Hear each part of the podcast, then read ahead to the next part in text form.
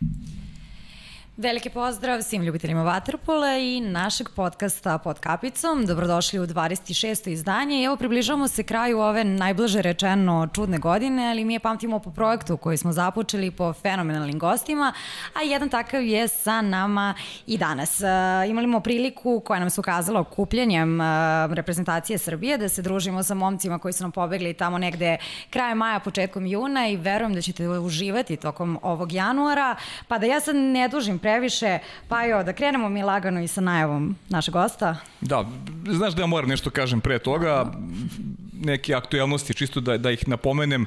Gledali smo juče derbi i deveto kola prvenstva Srbije između Novog Beograda i Šapca, da čestitamo iz uh, sa ovog mesta Novom Beogradu na toj jesenjoj tituli, slavili su u Šapcu sa 9-8, jedna dobra kvalitetna utakmica, usput uh, okupila se reprezentacija Srbije posle eto, dužeg vremena uh, pod komandom selektora Dejana Savića, pripreme za turnir koji će se odigrati početkom januara, tako da eto neke pozitivne stvari kada govorimo o Waterpolu i početak onoga što treba da bude konačni cilj ove generacije, to su olimpijske igre u Tokiju i držimo im fige s ovog mesta da to sve prođe u najboljem redu. Ajde sad da pređemo po onom našem običajenoj, one naše običajne praksi da predstaviš današnji gost. E pa da, u ovoj emisiji ste imali prilike da slušate ispovesti toliko dobrih golmana, a sa nama još jedan, Branislav Mitrović, čuvar mreže srpske reprezentacije i mađarskog vašaša. Dobrodošao. I ono što na samom početku uvek pitam svako našeg gosta, kako ti se sviđa naš studio na kraju univerzuma? da, hvala, bolje vas, bolje vas našao. Lepo, lepo, od, stolice su jako udobne, interesantno. Nisam još sedu u ovakvim razmišljam da možda uzem jednu za... Za poneti. Da. Bane, hvala ti što si u pauzi među dva treninga uplivao e, u naš studio. Danas e, svi znamo ko je Branislav Mitrovića. Kakva je tvoja e, priča kada je Vatripolo u pitanju? Otkud u bazenu? Pa sa, sasvim slučajno. To bude malo onako narativan, što bi se reklo. Vraćam se u 94. oktobar. Kao klinac sam pokušavao neke razne sportove. Mama mi se bavila košarkom, čak profesionalno do nekog nivoa. Ove, I onda sam ja tako pokušao razne sportove i u jednom momentu sa drugarima iz razreda ove, dva drugara kažu ajde idemo na vaterpolo. Ja bukvalno nisam ni znao šta je to nisam, nisam znao ovaj, pravila, ništa nisam znao o tom sportu. I otišao sam, ovaj, dan danas se sećam, taj dan smo, u to vreme u Novom Sadu bio samo Spence, imali smo trening u malom bazenu i tu smo kao nešto igrali između sebe i ja ono kad se završilo trening kao dao sam tri gola, ovo mhm. ono neko ludilo i s dve ruke. Ni, bukvalno ništa nisam znao o tom sportu i ništa i tako sam tu, ovaj, tu sam počeo treniram, zavolao sam u neku ruku taj sport, atmosferu tu u, klu, u, u klubu, drugare i tako to onda ide i dalje. E sad ja bi morala da se uključim, prvo mi obično postavljamo pitanja gledalaca na samom kraju, ali naša Aleksandra Milošević koja je stvarno postala naš saradnik nam je dodala toliko pitanja, a na samom startu evo na primjer da li tačno si bio ozbiljan gimnastičar? Jeste, jeste, da, stvarno ne. Da. Sad, da, kako znaju to, a? kako, ona sve zna. da, o, svaka čast za pitanje. Pa negde pola godine, recimo pre nego što sam počeo da treniram vaterpolo, sam se bavio gimnastikom i bilo mi nekako interesantno to trčanje, skakanje koluta, preskakanje ono, konja, kozlića i, uh -huh. i mhm. tako dalje. Uh, međutim, imali smo period, da jedno poslednjih meseca i po dana, da se trener uopšte nije bavio nama. I nas trojica, četvorica smo dolazili na trening, jer to više nije ni nešto ličilo. I onda malo pa malo odustao sam od toga. Nisam, nisam više hteo tamo da budem. Ali generalno što se tiče sportova posle, pošto mama ovaj, se bavila košarkom, a mene su često, sam imao te upale uši u, u mlađim kategoriji, onda, onda me pro, probalo jednom momentu da me odvuče na košarku. Uh -huh. ovaj, međutim, onako, imao sam neki gard odmah prema tome i nisam, nisam dužo na dana proveo tamo. E sada bi video na samom startu koliko ona sve zna, da li je, zašto te zvali kada je u detinstvu Ciba? Da, ovo je, ovo je neko je dao neku insajdersku informaciju, definitivno. Ne znam. Ne znamo. Očekivao sam da će to možda neko od, od drugara da me pita, posle vidjet ćemo. Ove, jeste, jeste, to je istina. E, I kao kad nisam bio neka, neka da kažemo, dominantna ličnost u, kad sam bio klinac, kad smo igrali futbal, iako sam volao stalno da budem sa drugarima uh -huh. na polju, nisam bio neki koji će da se gura, da daje golove i tako dalje. Onda sam uvek stavio na golu i onako nekako inferioran sam bio. I, i, ovaj, I onda su svi kao baci loptu, baci loptu, baci, baci, ciba, ciba i Tako. Ostade, ostade to između drugara Ciba i tu osnovna škola, srednja škola i ti neki drugari koji su se javno provlačili u osnovnoj i srednjoj školi, oni su me tako zvali onako, jedna posle malo kad sam srazao, malo mi već bilo neprijatno, nije mi to nekako, da kažemo, neki lep nadimak. Ovaj, međutim, to je posle iščezlo. Posle, posle me rađe negde čuo da, da, da su me tako zvali, onda me on nešto malo zezao, ali, ali danas sam više niko ne zove tako. Niko, a? Ne, ne, ne. Ajde da mi pređemo sa Aleksandre, posjećamo njom, naravno imamo još dosta njenih pitanja, pređemo na naša, da krenemo od Vatrpolo kluba Vojvodina, tvoje ime se vezuje za ovaj klub. Jeste, jeste. Kao što sam rekao, od 2004. godine tamo počinjem. Uh, jedan jako lep period i, pre, i dan danas preporučujem svim klinicima da tamo počnu da treniraju. Ove, šta se dešava? Uh, zavolao sam sport, zavolao sam odlaske na treninge, Međutim, dešava se još jedna stvar koja je po meni isto jako bitna, e, a to je da počeli smo da nižemo rezultate.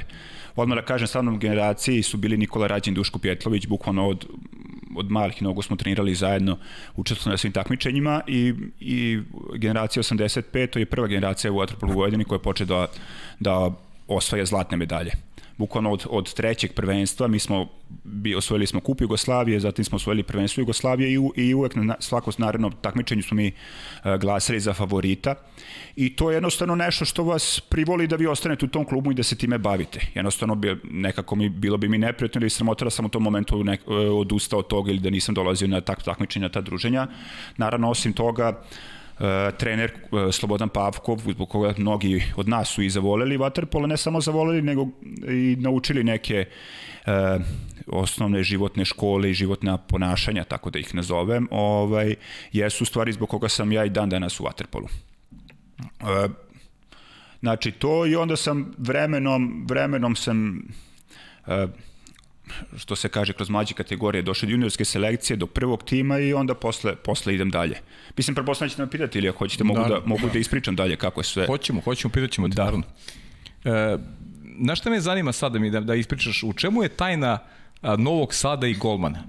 E, ti, Gojko Pjetlović, Soro, a, možemo da pričamo, možemo da kažemo i, i Lazar Dobožano, možemo njega svrstamo u tu grupu, jako on bečejac, ali a, prošao je takođe u tim nekim mlađim selekcijama kroz, kroz, kroz školu u Vojvodine. Da. Moram, de, moram, je tajna? moram Dejan Stanovića da ubacim. Ok, Dejan da. Stanović, da, da, bravo. I posle, da. Iako ove, nije bio vrhunski golman, ali je posle kao bio u reprezentaciji kao trener. Uh mhm. -huh. ovaj, razmišljao sam o tome dosta. Mislim, uh, uh, da što se tiče metodologije rada u samom klubu, što se tiče golmana, mislim da ne možemo ništa da e, izdvojimo drugačije u odnosu na, na neke druge ekipe. E, ono što definitivno, ja sad gledam poredeći u odnosu na Partizan. Ono što je bilo u mojoj generaciji i ono što je bilo i u Gojko, ja verujem i u Sorovoj, e, a to je da Vojvodina u svim tim godinama nije imala puno dece i nije bila uopšte velika konkurencija. Nego jednostavno, svi talenti koji su tu bili, oni su se forsirali do maksimuma.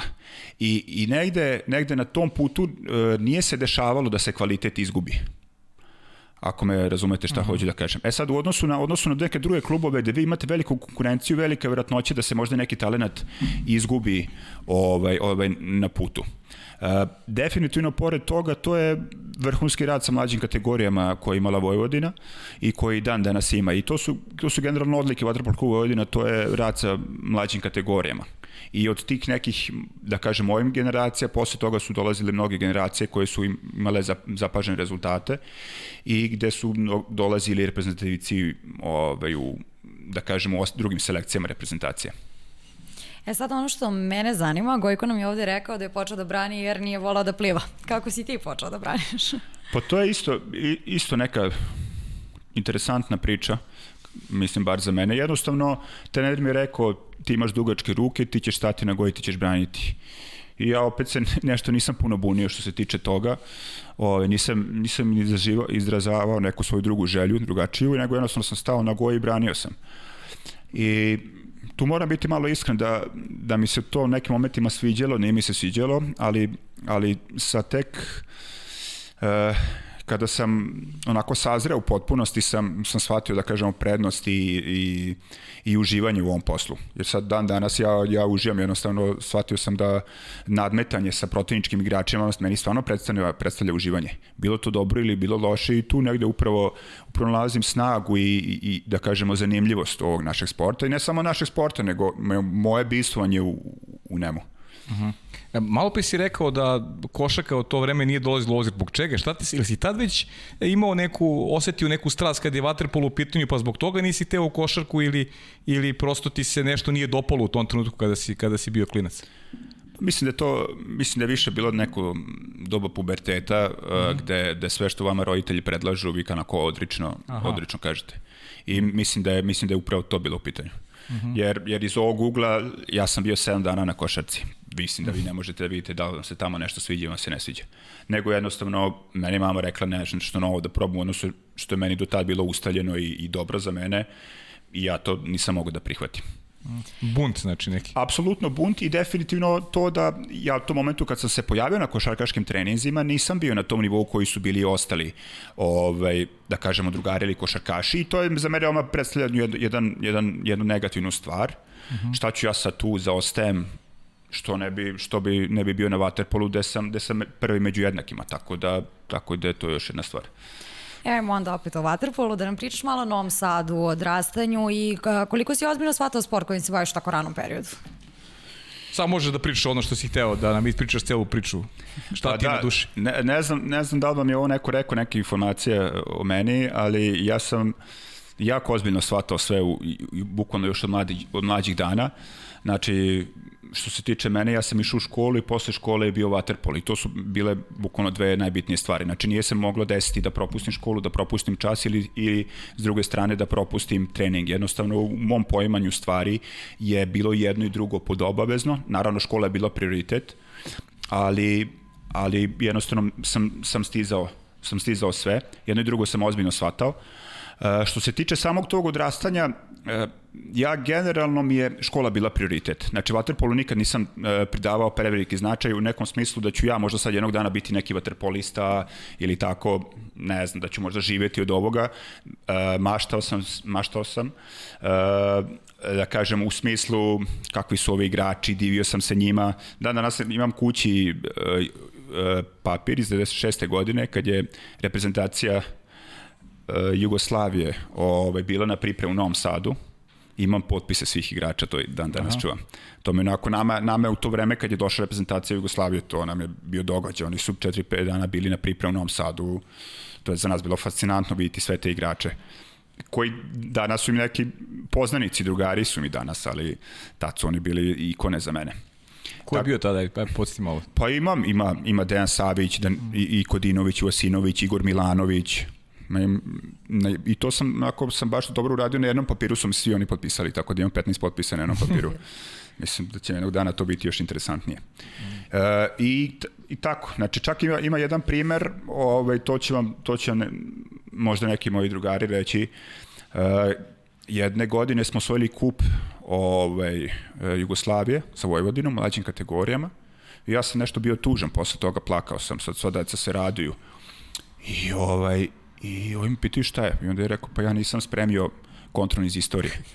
Jednostavno sam tako shvatao. Za mene je škola bila neka obaveza i sad moram, moram da odmah istaknem to da roditelji ni u kom, nijednom momentu nisu me pritiskali. Znači nikad Aha. me nisu kritikovali ni za šta. Ja sam imao odrešene ruke, jednostavno su uh, videli su da, da sam marljiv, da učim, da idem redno na treninge i kako god je to bilo, oni su to prihvatali. Jednostavno sam ja sam sebi stvorio neki pritisak da moram da budem dobar na, na oba polja, pre svega u školi i tako sam to terao terao, mislim, gurao, gurao mm. napred. I ovaj, ništa, onda je došla srednja škola, došao je fakultet, tu sam opet, mi je to bio prioritet. Waterpolo i dalje nisam shvatio ozbiljno. Moram, moram opet da ispričam jednu interesantnu priču što se tiče srednje škole.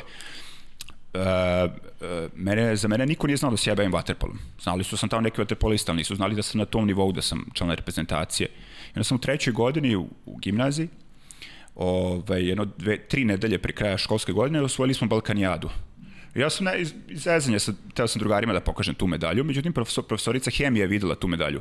I kao šta je to? Pa je rekao, bili smo na Balkanijade, mi smo osvojili smo prvo mesto. Tad je Balkanijada bila, trebali se pomediti Rumuniju i Grčku, mislim, to je bilo stvarno da, da. trivialno za nas u tom momentu. I ona kao, jao, super, kao, vamo tamo dvin tvoje ocene, kao, pa ti imaš sve petice, kao, evo tebi zaključeno pet, kao, što se tiče mene, ti više ne moraš dolaziti na, na predavanje hemije. Međutim, to meni u tom momentu je bilo ono, kao, kako, šta ja da radim sad? Mislim, ako, ako, ne, idem na, na, ako ne idem na taj čas. da. Ove, ovaj, tako sam išao sve do kraja, mislim, i, i to, i četvrtu godinu, sve, sve redovno sam, sve redovno sam išao. Ali ne bi ta petica iz hemije baš odgovarala. da. A ne, ja gledam sad, gledam sad iz ovog ugla kako, kako današnja, de, mislim, današnja, kako deca ovaj, to radi, kako razmišljaju. Jednostavno, ja sam bio, meni je to bilo normalna stvar i nekako nisu me, nisu me interesovale te stvari. Međutim, iz ovog ugla malo, možda, možda i to trebalo malo drugačije. Mislim da, da, da čovjek ipak je bolje malo da je gleda na druge stvari, da nije samo fokusiran na sport. Ja to tako doživljam. E, kad završam srednju školu, upisujem fakultetičkih nauka, odsek inženjerski menadžment, ovaj, redovno, ako redovno sve mora spokali, bio sam treći na listi. Bravo. Ovaj, da, da, tu upadam na budžet i, i odmah posle, pošto sam prvu godinu očistu junu, čak sam dobio stipendiju od Ministarstva prosvete. Tako sam u tom momentu primao dve stipendije, jednu ovu kao juniorski reprezentativac, a drugu, drugu kao stipendista Ministarstva prosvete. I ništa, upisujem redano fakultet, državni fakultet ovaj, u Novom Sadu i to sve ide svojim tokom. E, e, što se tiče vaterpoluga Vojvodine, mislim sad su se dešavale tu neke stvari, bio sam drugi golman iza Gojka Pjetlovića u prvom timu, e, onda u jednom momentu on odlazi u Partizan, ja postajem prvi golman, to se ide nekim, nekim svojim tokom.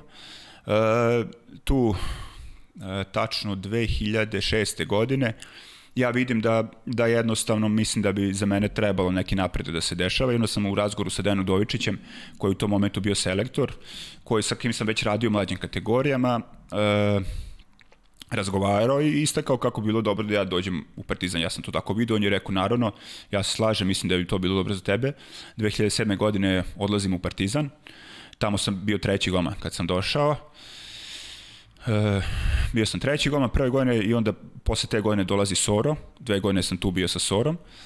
Međutim, opet jednostavno nisam došao dolazio do izražaja u Partizanu, odnosno bio sam, opravdano sam bio iza Sora, mislim to apsolutno da. pogotovo u tom periodu. On je tada bio među najboljim golmanima sveta i prvi golman reprezentacije i tako dalje. Jednostavno nisam imao to što ja tražim. Jedno sam u razgovoru sa Igorom, Igorom Milanovićem te treće godine, pošto je Soru istica ugovor, rekao sam Igore kako je, kakvi su vam planovi, ako vi mislite da Sor ostane, ja iako imam ugovor, ja bi, ja bih hteo da odem. I on je rekao, ja se slažem s tobom. Ovaj, tako da sam počeo da, da tražim klub, po prvi put karijeri, pošto svi znaju kako se u Waterpolu da. traže klubovi.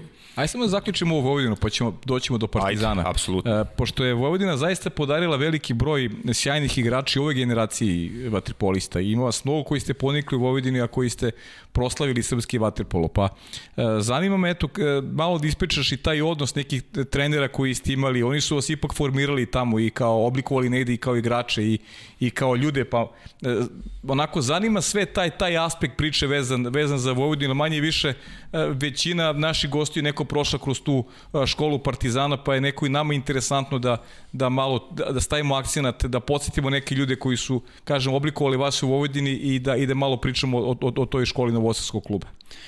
E, da, pa kao što sam istakao, e, najveća da kažemo, dobra stvar u suštini u Waterpolu Vojvodina jeste rad sa mlađim kategorijama. Uh -huh.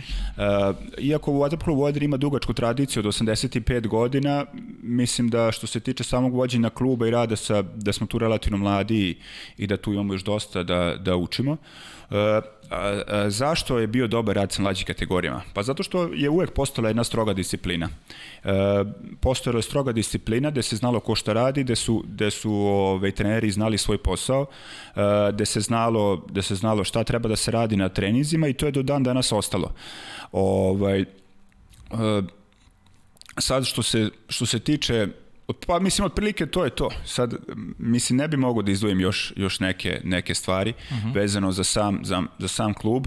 Generalno, uh, ono što je dobra stvar jeste sa, sa raspadom države polako, polako i uh, treneri Vatrpolu Vojvodine dolaze do izražaja, uh, postaju članovi reprezentacije, usavršaju se sve više. E, to je imalo jako veliki uticaj na, na sam klub. Uh -huh. uh, tako, da, tako da se sve bolje i bolje radilo sa rezultatima povećalo se financije, to sad sve, da kažemo, vodi povezuje jedno sa drugim.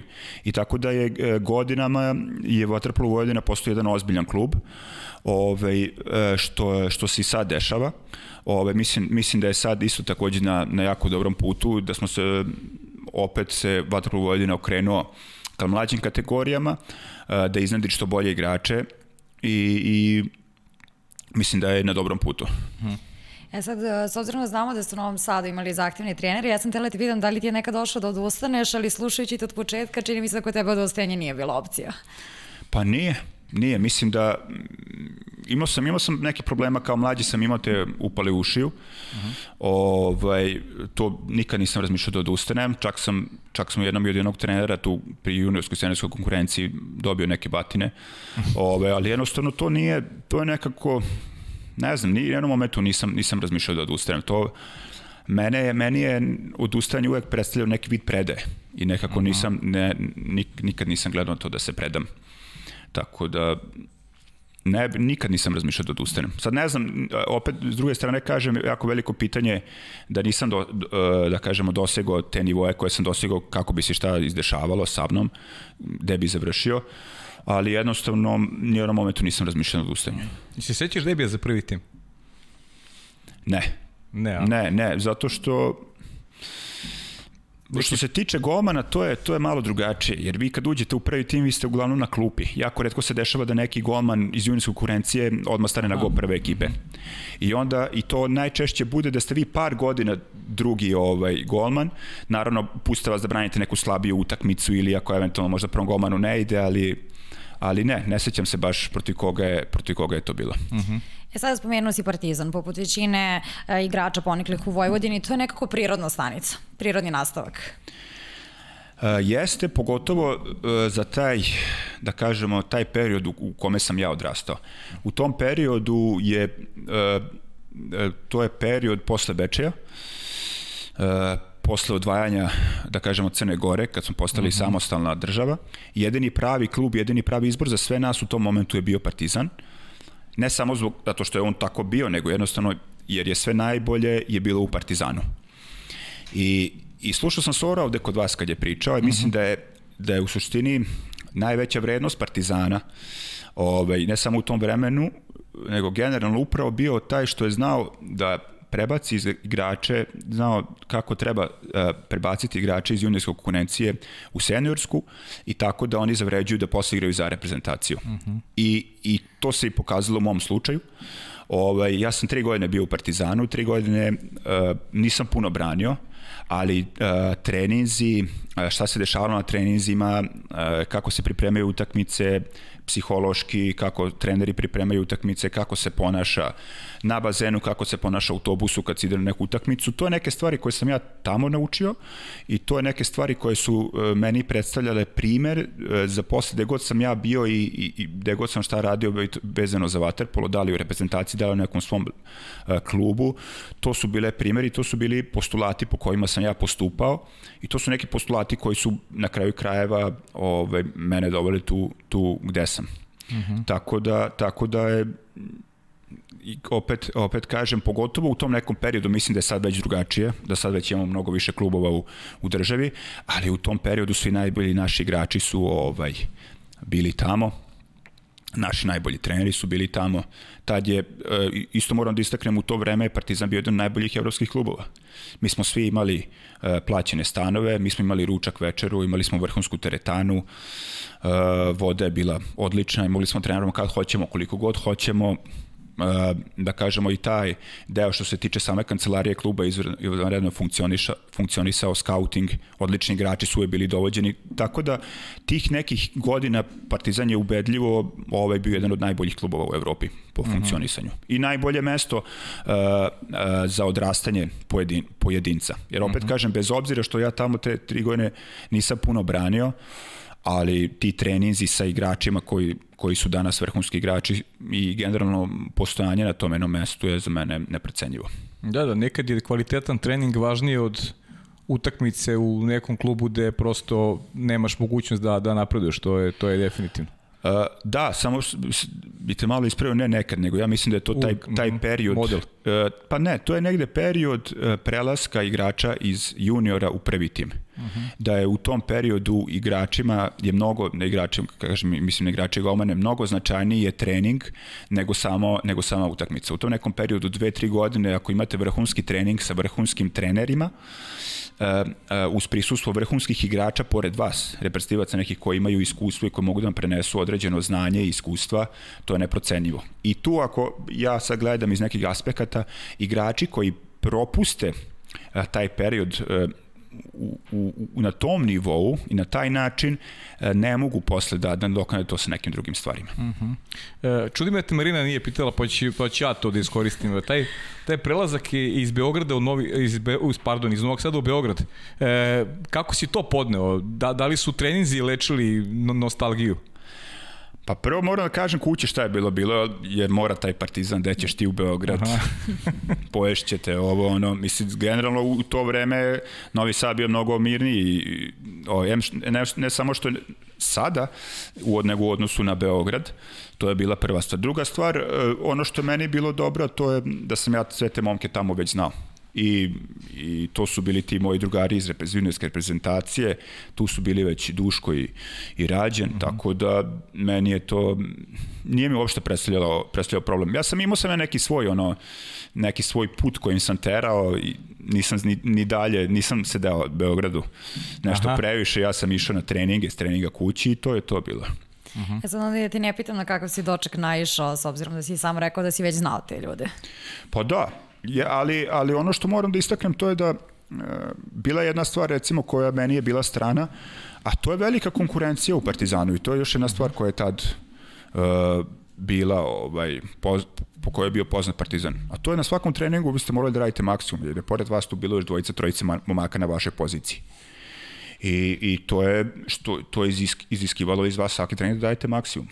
I to je upravo ono što treba jednom mladom igraču da se konstantno dokazuje, da je konstantno prisutan ovaj, e, mentalno i, i tako da mi u početku to predstavljalo malo napor, međutim vremenom sam ja ušao u sistem i to je bilo sve okej. Okay. Mhm. A ko su bili konkurenti u to vreme između Stativa u Partizanu?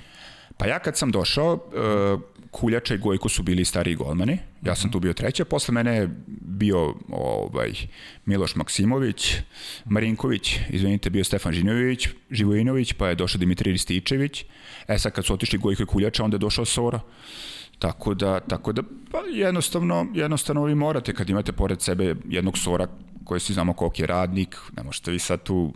Uh mhm. -huh Ja, ja kao mlađe, kao, kao u mlađim kategorijama uvek sam se gledao tim, ne može niko ko je stari da bude brži ili bolji od tebe. Uh mhm. -huh. I to posle sam pokušavao, pokušavao svima mlađima za kojima sam ja radio. Druga je stvar kako, kako ću ja da branim i, i kako ću ja tamo da predstavljam sebe, ali dok radim s njim ne može se desiti da on radi bolje od tebe. Da, da.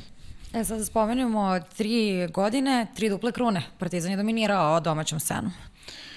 Mislim da te, mislim da te godine, što smo, te moje tri godine, ovaj, i tu par godina pre i par posle, da kogod bio u Partizanu da niko ne gleda te domaće titule ozbiljno. Mm. Jer, jer mi smo bili toliko dominantni u odnosu na sve, ovaj, da se mi bukvalno nismo uopšte spremali za te utakmice. Jednako jednostavno nas su zanimale samo ove utakmice Evrolige. I tu su bukvalno bile bitne samo te, samo te utakmice. Ove domaće smo vrlo lako ovaj, od, od, rešavali. Od, pa rešavali su, mogu da kažem i odrađivali. Mislim, toliko smo bili bolji, toliko je kvalitet bio bolji i, i radilo se više i bolje, tako da to nije predstavljalo pitanje, ali opet sad negde na kraju karijere kad razmislim, jeste imam tri duple krune. Lepo zvuči. Jeste, da. jeste, kako da ne. Da, i usvojili ste, i se sećaš e, e, Euro Interligi? Sećam se. Se sećaš Sećam se. regionalne lige, znači to, to malo igrača će moći da se pohvali da je osvojio Da, da. ligu koja je vrlo brzo i ugašena. To su klubovi bili iz Mađarske, Slovačke, Rumunije, ili tako beše? Da, i zato, zato se sećam, to je bila ta Igorova prva godina. E, tu je bilo jako puno utakmica. Mi smo, mi smo sve te e, utakmice igrali ozbiljno i nijednu utakmicu nismo izgubili. Iako, iako na sve te utakmice nismo išli baš u punom sastavu. Tad je bio igro i, i Vu- Vujas igrao za nas, Soro je bio sa nama, Ovaj, ali opet kažem sve utakmice smo pobedili. Generalno te godine, te moje poslednje godine igrali smo domaće prvenstvo, igrali smo Interliglu, igrali smo Euroligu. To je preko 60 utakmica koje smo mi odigrali. E, Samo smo odigrali to nerešeno u polufinalu sa Rekom ili smo izgubili na produžetke ili na peterce, sad ne mogu da se setim tačno, ali to je bi- bio jedan jedini poraz u celoj sezoni koji smo imali. E sad, prije nego što se preselimo u Mađarsku, da li si u tom periodu osetio da si stasao kao golman? U tom periodu Partizana? ne, apsolutno ne. Mislim da generalno što se tiče mene i samopouzdanja da sam to tek kasnije sazreo. Uh, tek u nekom momentu kad odlazim u Mađarsku, tek tad postajem da kažem, apsolutan svestan sebe i, i svojih sposobnosti. E, negde sam tu bio prepušten samom sebi. Ovaj, I jednostavno bilo je ili ću, ili ću da branim dobro ili ću ili neću više biti tu. Jedno, jednostavno kad ste u inostranstvu e, jedna jedina stvar je bitna, a to je vaš učinak. Da li ste bili, da li bili golman ili igrač, ako ste kao golman morate dobro da branite, kako god vaša ekipa igrala odbranu ili kako god, šta, šta god protivnik igrao, a kao igrač vaše samo dajete golove. Tako da, da mislim da je dobro što sam to odmah shvatio i, i da sam se fokusirao samo na sebe i da sam dobro branio i onda posle to rezultiralo kako rezultiralo. Propustio si, si Bane da budeš deo ekipe koja su uletila u prvaka Evrope s Partizanom ili ti da li danas se žališ za tim što si možda požurio malo za, za Mađarsku, požurio po znacima navoda? Ne, ne, ne želim uopšte, ovaj, e, ni tad nisam žalio, I ovaj, to je zato što jednostavno da sam ostao u Partizanu bio bi drugi goman i mislim da ne bi, ne bi ovaj, imao nekog udela u osvajanje te titule. Ali, ali mislim sad, možda sad to malo onako ružno, ružno zvuči, ovaj, u reprezentaciji sam, negde sam imao udela više, negde manje, ali konkretno što se tiče Partizana u tom momentu jednostavno nije me žalo. Mislim da je meni mnogo bitnije mi je bilo da, da započnem neki svoj put i da se dokažem kao prvi golman ovaj, jedne ozbiljne ekipe. E, ajmo onda sad u Ferenc Varoš, najveći tamošnji klub, odlazak iz Srbije, nova promena, kako je to izgledalo? Pa da, moram, moram da, da se zahvalim Jugoslavu, ovaj, koji, koji je tada bio jedan od ljudi koji mi je preporučio ljudima iz Ferencvaroša. Tako, mislim, tako, kao vjerojatno i to znate da tako, se, tako to u Waterpolu funkcioniše. Vrlo često je, ovaj, igrači odlaze u klub da i ovi iz kluba ne, ne znaju koga dovode. Međutim, drago mi što, što se tiče mene, bar nije bio slučaj. E, otišao sam u Ferenc Varoš, bio u toj nekoj tra, periodu tranzicije, pravili su neku ekipu, Tamaš Varga, dvostruki olimpijski šampion je dolazio, Žolt Varga koji je sada trener Ferenc Varoš, on je bio centar na oproštaju karijere, Aljoša Kunac, ovaj, vjerojatno njega znate, on je prošle Ja, godine igrao za mladost, da, hrvatski reprezentativac, Saša Mišić, e, nas dvojica smo stalno prvi put našli, posle smo postali kumovi. Kumovi, da, da. Tako je, tako je. Ove, jedna onako sasvim korektna ekipa. E, mislim sad iz ovog ugla kad pogledam, mislim da meni tad ništa nije bilo jasno šta se dešava i šta se dešava u ekipi i kako se trenira i šta se trenira, ali jednostavno ja sam tamo došao, moram da istaknem da je, kaj kažem, posao golmana je malo drugačiji odnosu na igrača. Iako, iako spadamo u kolektivni sport, mislim da dosta ima individualizacije i da vi, da možete dobro da branite u nekoj ekipi koja, koja nije baš puno vezana za vas. I mislim da to meni prijalo, ovaj, da to meni prija u sučeni u Waterpolu, što sam ja uh, dosta individualista i mislim da je to tu došlo do izražaja. Ja sam bukvalno posle mesec dana kako sam došao u Ferenc Varoš sam počeo treniram te sve neke treninge koje sam ja godinama pamtio u glavi što sam trenirao sa uh, trenerima ovaj, sam počeo da primenjujem. I evo i do dan danas u Mađarskoj ja treniram sam odnosno, mm -hmm. da, pre jednog godinu i po dana sam dobio neke trenere, ali u svakom slučaju jedno 10 godina sam ja sam trenirao i jednostavno to je, to je za mene značilo ili, što, kao što sam rekao, ili ću da dobro da branim, ili, ili neću dobro da branim i mogu da se oprostim od svega. I onda kad, kad se nađete u jednom, jednom takvom momentu, onda vi preuzmete sve što je do vas. Bar sam ja tako preduzimao. Znači, razgovarate sa ljudima, zapisujete, učite, primenjujete, Tako da tako i meni bilo. Što se tiče samog Ferenc Varoša, mi smo te godine, ja mislim, bili peti ili šesti. E, ne znam tačno. Ove, izgubili smo, ako, ako smo, mislim, ako smo bili šesti, izgubili smo na peto mesto od Solnoka koji je tad dolazio. E sad, nakon toga, nakon toga počinju te neke moje igrice što se tiče Mađarske, jer su nam ostali dužni, dužni neke, mm. neke novce. Onda smo već se dogovorili za sledeću godinu sa njima, međutim, posle mesec dana oni, na, oni nam javljaju ipak, ipak nema ništa od toga. Ove, ovaj, I onda je moj kum Saša Mišić bukvalno preko Facebooka se dobisivo sa trenerom, trenerom Debrecina, koji mu je rekao, pa da, treba bi mi centar, onda je on pitao, pa li treba i golman? Kažem, pa treba mi i golman, ba ne mi treba, da. I onda smo nas dvojica tako otišli u Debrecine.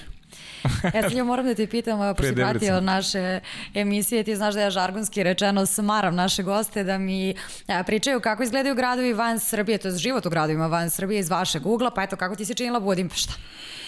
Ne, tad, tad mi je Budimpešta bila fantastična. Mislim, on, pogotovo što smo, taj prvi deo sezone, mi smo koliko toliko bilo, bilo sve redovno u klubu, imali smo i ručak, imali smo neku dobru poziciju, da je tržni centar bio blizu i tu smo onako stalno bili ove šta god nam je trebalo, a, a s druge strane Saša Mišić i ja, to, mi smo prilično slični godina, bili smo mladi, tako da, da mislim da smo videli Budimpeštu u punom sjaju. Da. Mislim, nekako, kažu onako, da kažemo, bazično sam je upoznao za ono što će se posle desiti. A onda taj Debrecin, ajde, kad si već počeo si malo priču i vrlo Jeste. interesantan način na koji si otišao u, u, u ekipu Debrecina. Jeste. Debrecin je u tom momentu Oni su radili jednu stvar koja, koja se meni jako svidela. Uh -huh. uh, Debrecin je tih godina dobio bazen. I ja mislim da su, kako ja sad možda, možda ne znam e, baš detalje priče, ali ljudi iz Debrecina su zvali Denaša Kemenja koji tad e, bio ovaj, njihov savezni trener e, i koji je bio generalno zadužen za sav vaterpolu u Mađarskoj. I oni su njemu rekli da mi tu želimo da napravimo dobro i on je ima poslao trenera Andraša Đondješija ovaj, da on tu napravi ceo klub. I to je, to je, mislim, sad malo kad razmislite, to je po meni izuzetno, izuzetno dobra stvar, da vi za jednu manju sredinu da nemate vaterpola, pošaljete jednog dobrog trenera koji to treba da razvije. I oni su to i, i razvili. I te godine ob, došao je Tama Švarga, je došao sa mnom, Mišić je došao sa mnom, mi smo napravili neku ekipu i na kraju smo mi pobedili Solno koji je kre, počinjao tih godina da se diže za peto mesto. To je onako bilo jako veliko iznenađenje u Mađarskoj. E, tu su nam opet dugovali neka sredstva, međutim to peto mesto je iz, ovaj, izazvalo odjek u gradu i oni su za sledeću godinu pravili malo veću ekipu, međutim to se, to se opet raspalo i tako je. Tako je svake godine, ajde da kažem, tamo bilo problema. Da bi treće godine ovaj, uh, ja imao operaciju ramena, tu sam propustio, propustio sam pola godine, uh, oni tu iz mog ugla mislim da nisu bili korektni što se tiče, uh -huh. da kažemo, kako su to ispuštovali sve. I iako sam ja u tom momentu imao već trogodišnji ugovor s njima, iako sam, mi to ćemo da raskinemo, ja idem dalje. I, i znao sam ovaj, da, da će doći do određenih restrukturiranja u Egeru, čuo sam sa njihovim trenerom i on je rekao razgovarat ćemo kad se završi ovaj, kad se završi prvenstvo. Uh -huh. Tako da kad se završilo prvenstvo oni su osvojili titulu, ovaj, napravili su novu ekipu i pozvali su mene između ostalog i onda dalje nastavljam u Egeru. Hoćemo da pređemo odmah na Eger. Pa da, malo da mi kažeš taj Debrecin, kako ti se činio taj Debrecin kao grad? Imaš, pamtiš li neku anegdotu iz tog perioda? Nešto, što, nešto ti obeležilo taj period igranja u Debrecinu? Pa generalno, moram da istaknem da Debrecin je drugi, treći grad u suštini mm -hmm. u posle Budimpešte imate Segedin i Debrecin. Međutim, iako po veličini Debrecin onako stavlja malo sa strane i kako ja vidim, generalno ljudi u Mađarskoj ga ne doživljavaju takvog, veliki studentski grad, međutim, ne mogu da ga, ne mogu da ga istaknem po nečemu, nečemu -hmm. onako da, ovaj, da kažem previše lepom interesantno. Bavio sam se vaterpolom. To su bile neke godine ovaj, za mene više interesantno je sam bio tu na pragu, hoću ući u reprezentaciju, neću ući u reprezentaciju. Da, da. To ću, prepostavljam da ćete to posle da me pitate, da. da. Ove, tako da je to bilo interesantno i mislim da više taj period mogu, to vreme može da, da obeleži više to igranje za reprezentaciju i dešavanja tu nego sam Debrecin. Što se tiče Debrecina, to je to, on je, on je poslužio kao neka vrsta da kažemo, usputne stanice za ono što se dalje dešavalo u mojoj karijeri. Da. E, a dalje onda idemo taj Eger. U suštini ti si u Egeru naj, najduže igrao, ako ne računamo uh, Novosadsku Vojvodinu. Prvo si tamo četiri godine. Četiri pune godine, da. Tu si da. osvojio jedini domaći trofej u suštini, kup Mađarske koji je Eger da. osvojio, ali Eger koji je zaista veliki klub na, na nivou Mađarske, pa ajde malo da, da, da, da nam pričaš o tom, o tom periodu. Pa jeste, ja kad sam, kada sam otišao u, u Mađarsku, došao sam iz jednog partizana koji je u tom momentu bio jedan najvećih evropskih klubova. Došao sam kao treći golman reprezentacije Srbije, neko ko bi tu uskoro trebalo da bude. I sigurno da su i Ferenc Varoš i Debrecen za mene bila neka usputna stanica, barem u mojoj glavi, do tog nekog momenta dok, dok ja, ja ne dođem u neki ozbiljan klub koji će da igra Euroligu. S druge strane, Iger, E, je tih poslednjih godina bio klub koji se borio za titulu u Mađarskoj. U poslednje tri godine oni su bili uzeli dve godine. Igrali su, I mi smo protiv njih igrali Ligu šampiona i nekako su se te dve stvari spojile. Uh, me za mene izuzetna čast je bila ta što ću, što ću doći u jedan tako vrhunski klub. Uh, pored toga uh, došlo je do kompletnog promene igračkog kadra u Egeru, uh, gde je napravljena jedna odlična ekipa da je ostane okosnica sa, sa Birošem, doveden je Sivoš, Hošnjanski, uh -huh. uh, doveden je Vapenski, uh, Ćuk, uh, Čučković, uh, zatim tu je bilo još Haraj, Bedo. Znači, generalno, e, ekipa sasljena od reprezentativaca Srbije i, i Mađarske. Izuzetno odlična ekipa. Tako da, da sa, sa slapanjem te ekipe nekako te stvari koje sam ja očekivao od svoje karijere su, su dolazile na svoje. Uh, I, I sada tu je naravno teklo je sve po svom, ono što, što je nas zadesilo tih godina da je Solnok ipak bio jači, ipak, je, ipak su imali još, oni su imali najbolje mađarske reprezentativce, još i bolje da kažemo e, naše reprezentativce, tako da tako imali su veći budžet od nas, tako da su oni negde, mogu da kažemo, beležile te moje četiri godine u, u, u Egeru. Za četiri godine osvojili smo, osvojili smo jedan kup Mađarske, ne, ne, meni ostaje žal što nismo bar nešto više, više učinili. E, ono, s druge strane, po čemu, na šta mogu da budem ponosan, na to je na naše izdanje u Euroligi. Znači, e, da. oni, su, oni su te poslednje godine kad su nas doveli, oni su izgubili od Primorja 27. Mi smo, mi smo sve četiri godine bili na Final Sixu gde bi, gde bi gde smo jedne godine završili kao četvrti. I mi smo, što se tiče tih igranja u Evropi, ispisali stranicu Egera, jednostavno ekipe pre nas nisu to, nisu to, nisu to uradile i generalno mislim da smo uh, nekako podigli opet vaterpolo ovaj, u samom Egeru na jedan još više nivo, gde su sve utakmice Evrolige bile prepune. Ne znam da ste bili nekad u Egeru ne, na bazenu. Ne. To je meni možda najlepši bazen na svetu. Uh -huh. uh, generalno Eger je, Eger je grad, vinska regija, koji sadrži jako puno vina. S jedne strane. Da, da, i terme. To su, to su dve stvari koje obeležavaju Eger, međutim iznad, iznad samog grada je tvrđava i, i ceo grad je u tom nekom, da kažemo, fazonu vitezova i tako, tog pe srednjeg veka i generalno bazen je napravljen od drveta ceo i tribine su sa sve četiri strane. E, bukvalno baz, sam bazen, sama školjka je okružena tribinama i to kad kad je neka velika utakmica, to se... Kad na... zagrmi? Da, da, da, to je jednostavno neka samim, pogotovo doba korone kad se igra bez publike, jako mi nedostaje to. Mm -hmm. I, I mi smo igrali smo dosta bitih utakmica i onako publika je bila baš uz nas. Nekako su osetili to da, da, da mi da ostavljamo srce i da igramo sa energijom za taj klub i povezali smo se mi sa klubom. I ono što, što je još jedna jako velika prednost, to kad živite u, u manjem gradu, uh, ljudi su drugačiji, povezani, više, više ste povezani. Nema one otuđenosti koje imaju u velikom gradu gde svako gleda samo svoja posla. Uvek će svako da vam vrlo rado pomogne, da, da se nađe tu za vas šta god vam treba, manje je gra, sve brže stižete. Tako da, tako da te četiri godine moje u, u Egeru pogotovo što su tu bili i naši igrači, ovaj, izuzetno jako, jako, lepe, jako lepe godine. Mm. Ja tamo sam to htjela da ti pitam. Čuk je rekao da mu je bilo jako dosadno tamo, dok je Strahinja recimo u prošloj epizodi rekao da mu je život baš odgovarao tamo.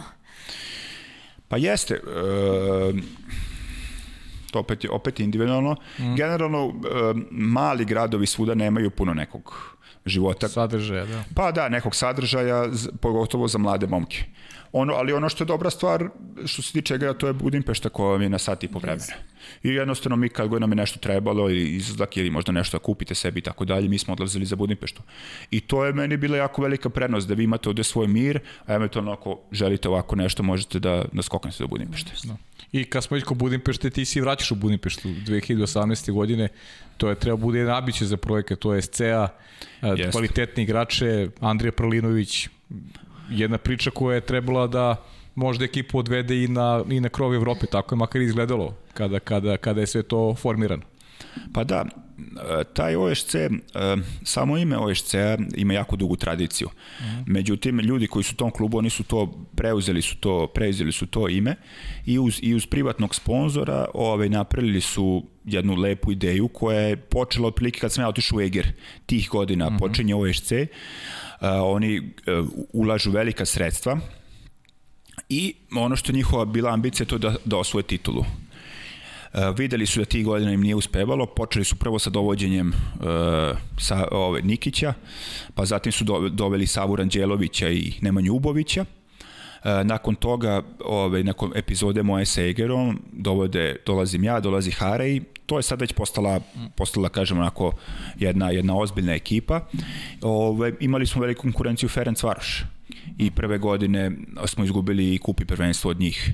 Ove, onako baš dosta neizvesno i na sve to godinu dana posle dolazi Andrija gde, gde smo mi gde se zaokružila po meni cela priča uh, ideja da kažemo njihovo saosvajanje nekog ozbiljnog trofeja i za dlaku smo izgubili kup Mađarske nakon toga slede odlične naše partije, gde smo bukvalno, gde smo pobedili Ferenc Varoš sa tri razlike, njihovom bazenu gde smo pobedili Reko, pro Reko u Italiji posle ne znam koliko godina sa tri razlike i gde smo bili na prvom mestu i u prvenstvu Mađarske i u Ligi šampiona, ali eto, nažalost, korona i sve što se izdešavalo su nas poremetili u tim ambicijama.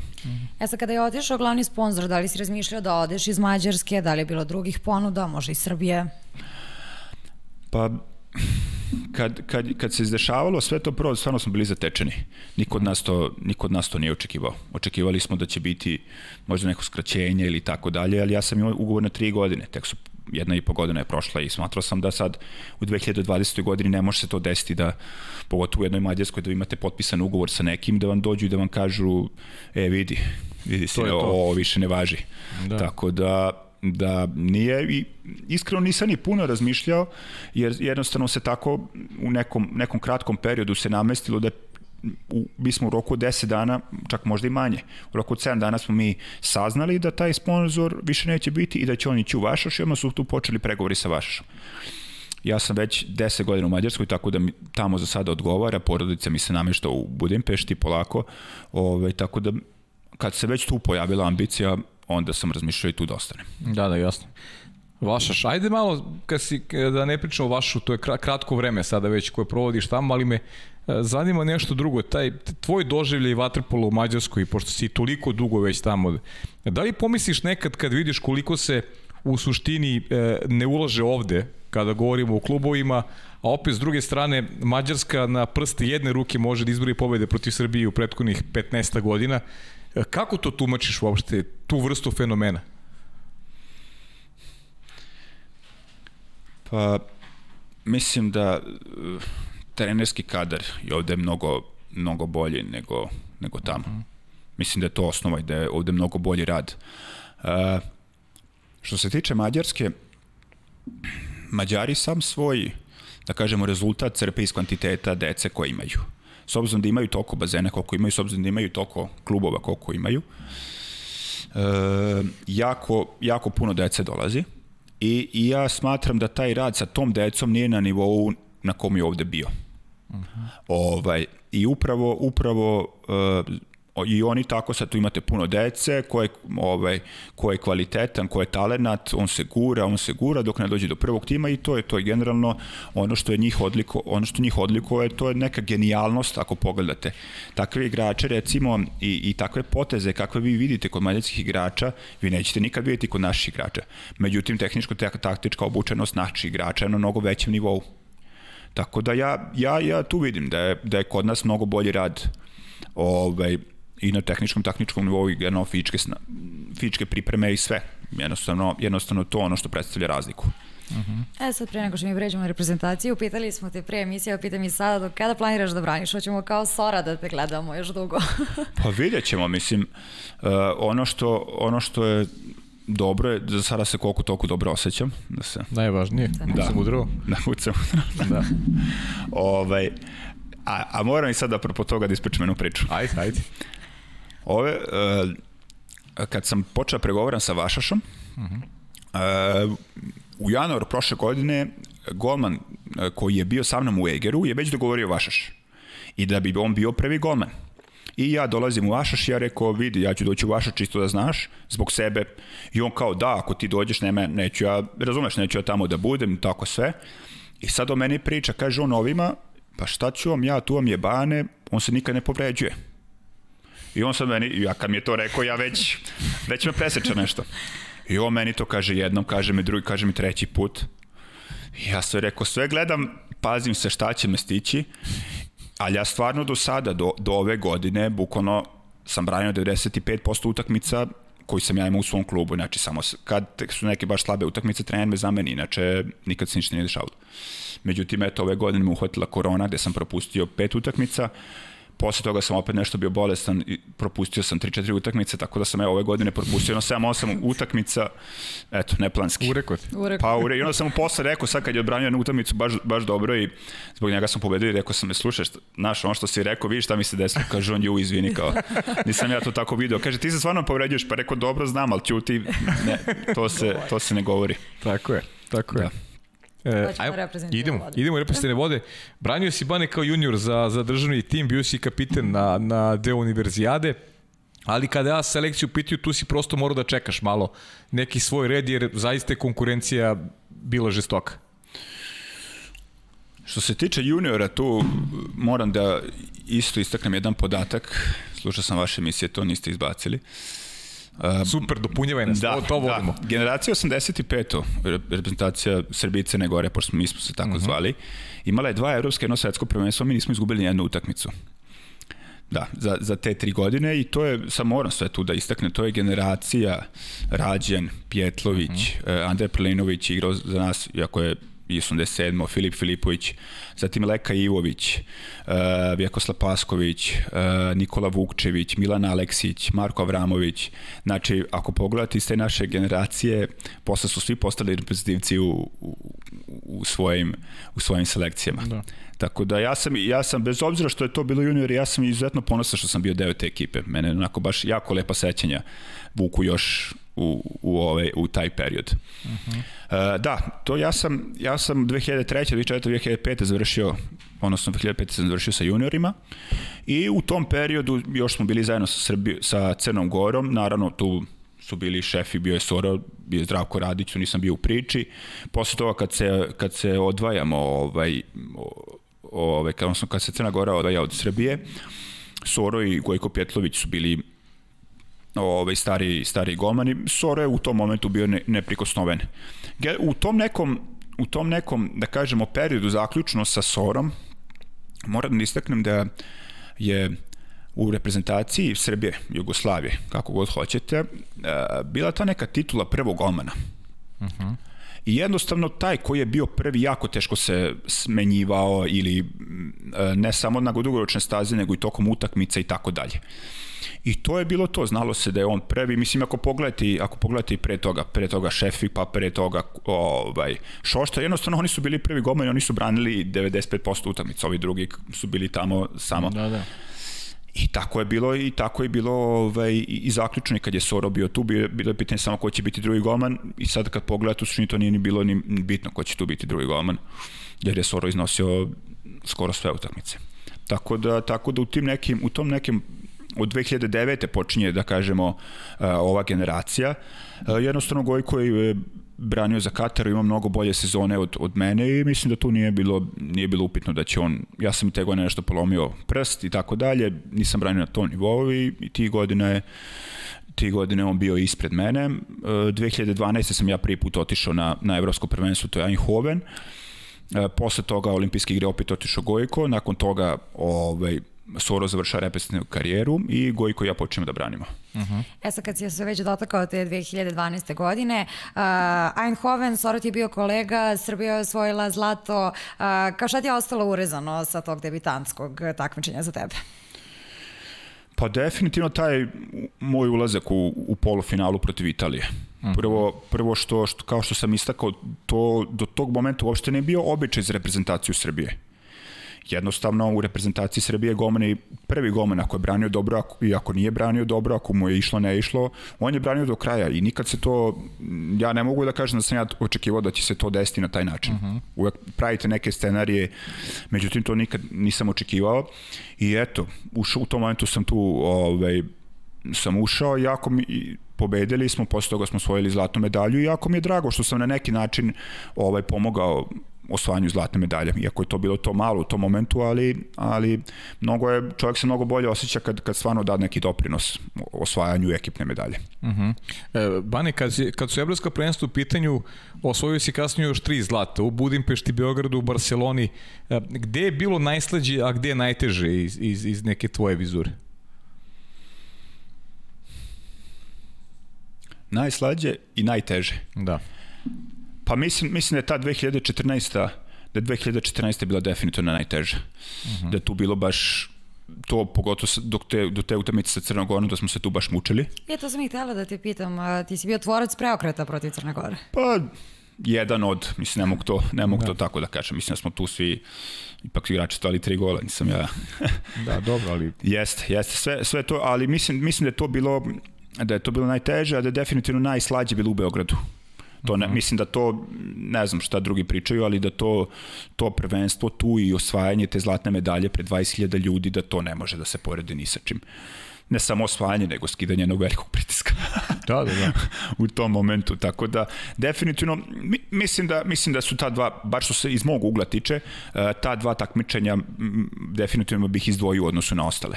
I ovo što se tiče, opet da se vratim, eh, što se tiče Budimpešte, to je fascinantno, gde smo mi jako loše igrali grupu, gde smo pobedili tu Crnogoru kako smo pobedili, gde smo su ove, dva dana posle igrali finale sa Mađarima koji su nas 3-4 razlike dobili u grupi na Margit Sigetu, hramu Waterpola, jednostavno tamo kad igrate, ne znam, osjećate se onako baš, baš ponosni samo samim, samim tim što ste tamo i što imate, što imate tu čast i privilegiju da, da igrate tu neku utakmicu i da smo ih pobedili na taj način smo, koji smo ih pobedili. Mislim da je to za sve nas je jako velika čast. E, znaš da volim, izvini Marina, znaš da volim stalno da vas pitam sve vas, e, koliko imate ošte taj, taj podatak u, u vašim glavama, da je taj poraz 2014. Mađarski bio poslednji put da ste izgubili utakmicu na evropskim prvenstvima?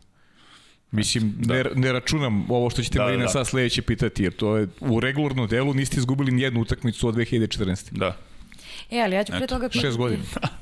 Ja ću pre toga pitati ona naša Aleksandra sa početka i je, sad je isto pomenula da si u Beogradu ušao slučionicu i rekao hajde momci razbudite se malo pa da si ih razbudio i da si ih nasmeo. Šta je to bilo? Sećaš toga? Ne sećam se, ne sećam se stvarno. Kad, kad... U Beogradu kad je bilo, tako je napisala. Sad ne znamo detalje. 2016. Da. da, da. To ne znamo detalje, samo imamo to pitanje. Pa rekao da ne mogu da se setim, ali moguće. Mislim, trudim se. Generalno se trudim uvek eh, da se ponaša nekako kontra, kontra atmosferi. Znaš, ako, ako vidim da je, da je atmosfera dole, onda se trudim malo da, da dižem, a opet ako je gore to onda, znaš, ono se ja malo držim po strane i da, da ne da, remetim da. to. E, ajde da pređemo na ovo, do, ovo moje što si rekao pitanje. E, sanjaš li one peterci iz januara ove godine u Budimpešti? ne, ne, zato što ovaj, Mislim, peterci kao peterci i utakmica kao utakmica. Jedino, jedino nešto što, sam, što imam razmišljanje to je da smo prošli to, to kolo da bi vratno osvojili. Mislim, uh mhm. -huh. mislim da takvog sam stava. Uh, druga stvar je što imam neki svoj metod kako branim peterce, odnosno kako sam rekao sebi da bi volio da branim peterce, a jedino što me tu stvar iznavirila što nisam branio tim metodom do kraja. Aha. Ove, ovaj, I to sam onako baš bio ljut na sebe, jer jednostavno sam malo emotivan tip i onda me nek, nekad me ponese emocije ovaj, preko razuma i tad mi se to desilo. I onda pogotovo kad, kad to na loše izađe da. ovaj, onda, onda bude malo nezdovoljan.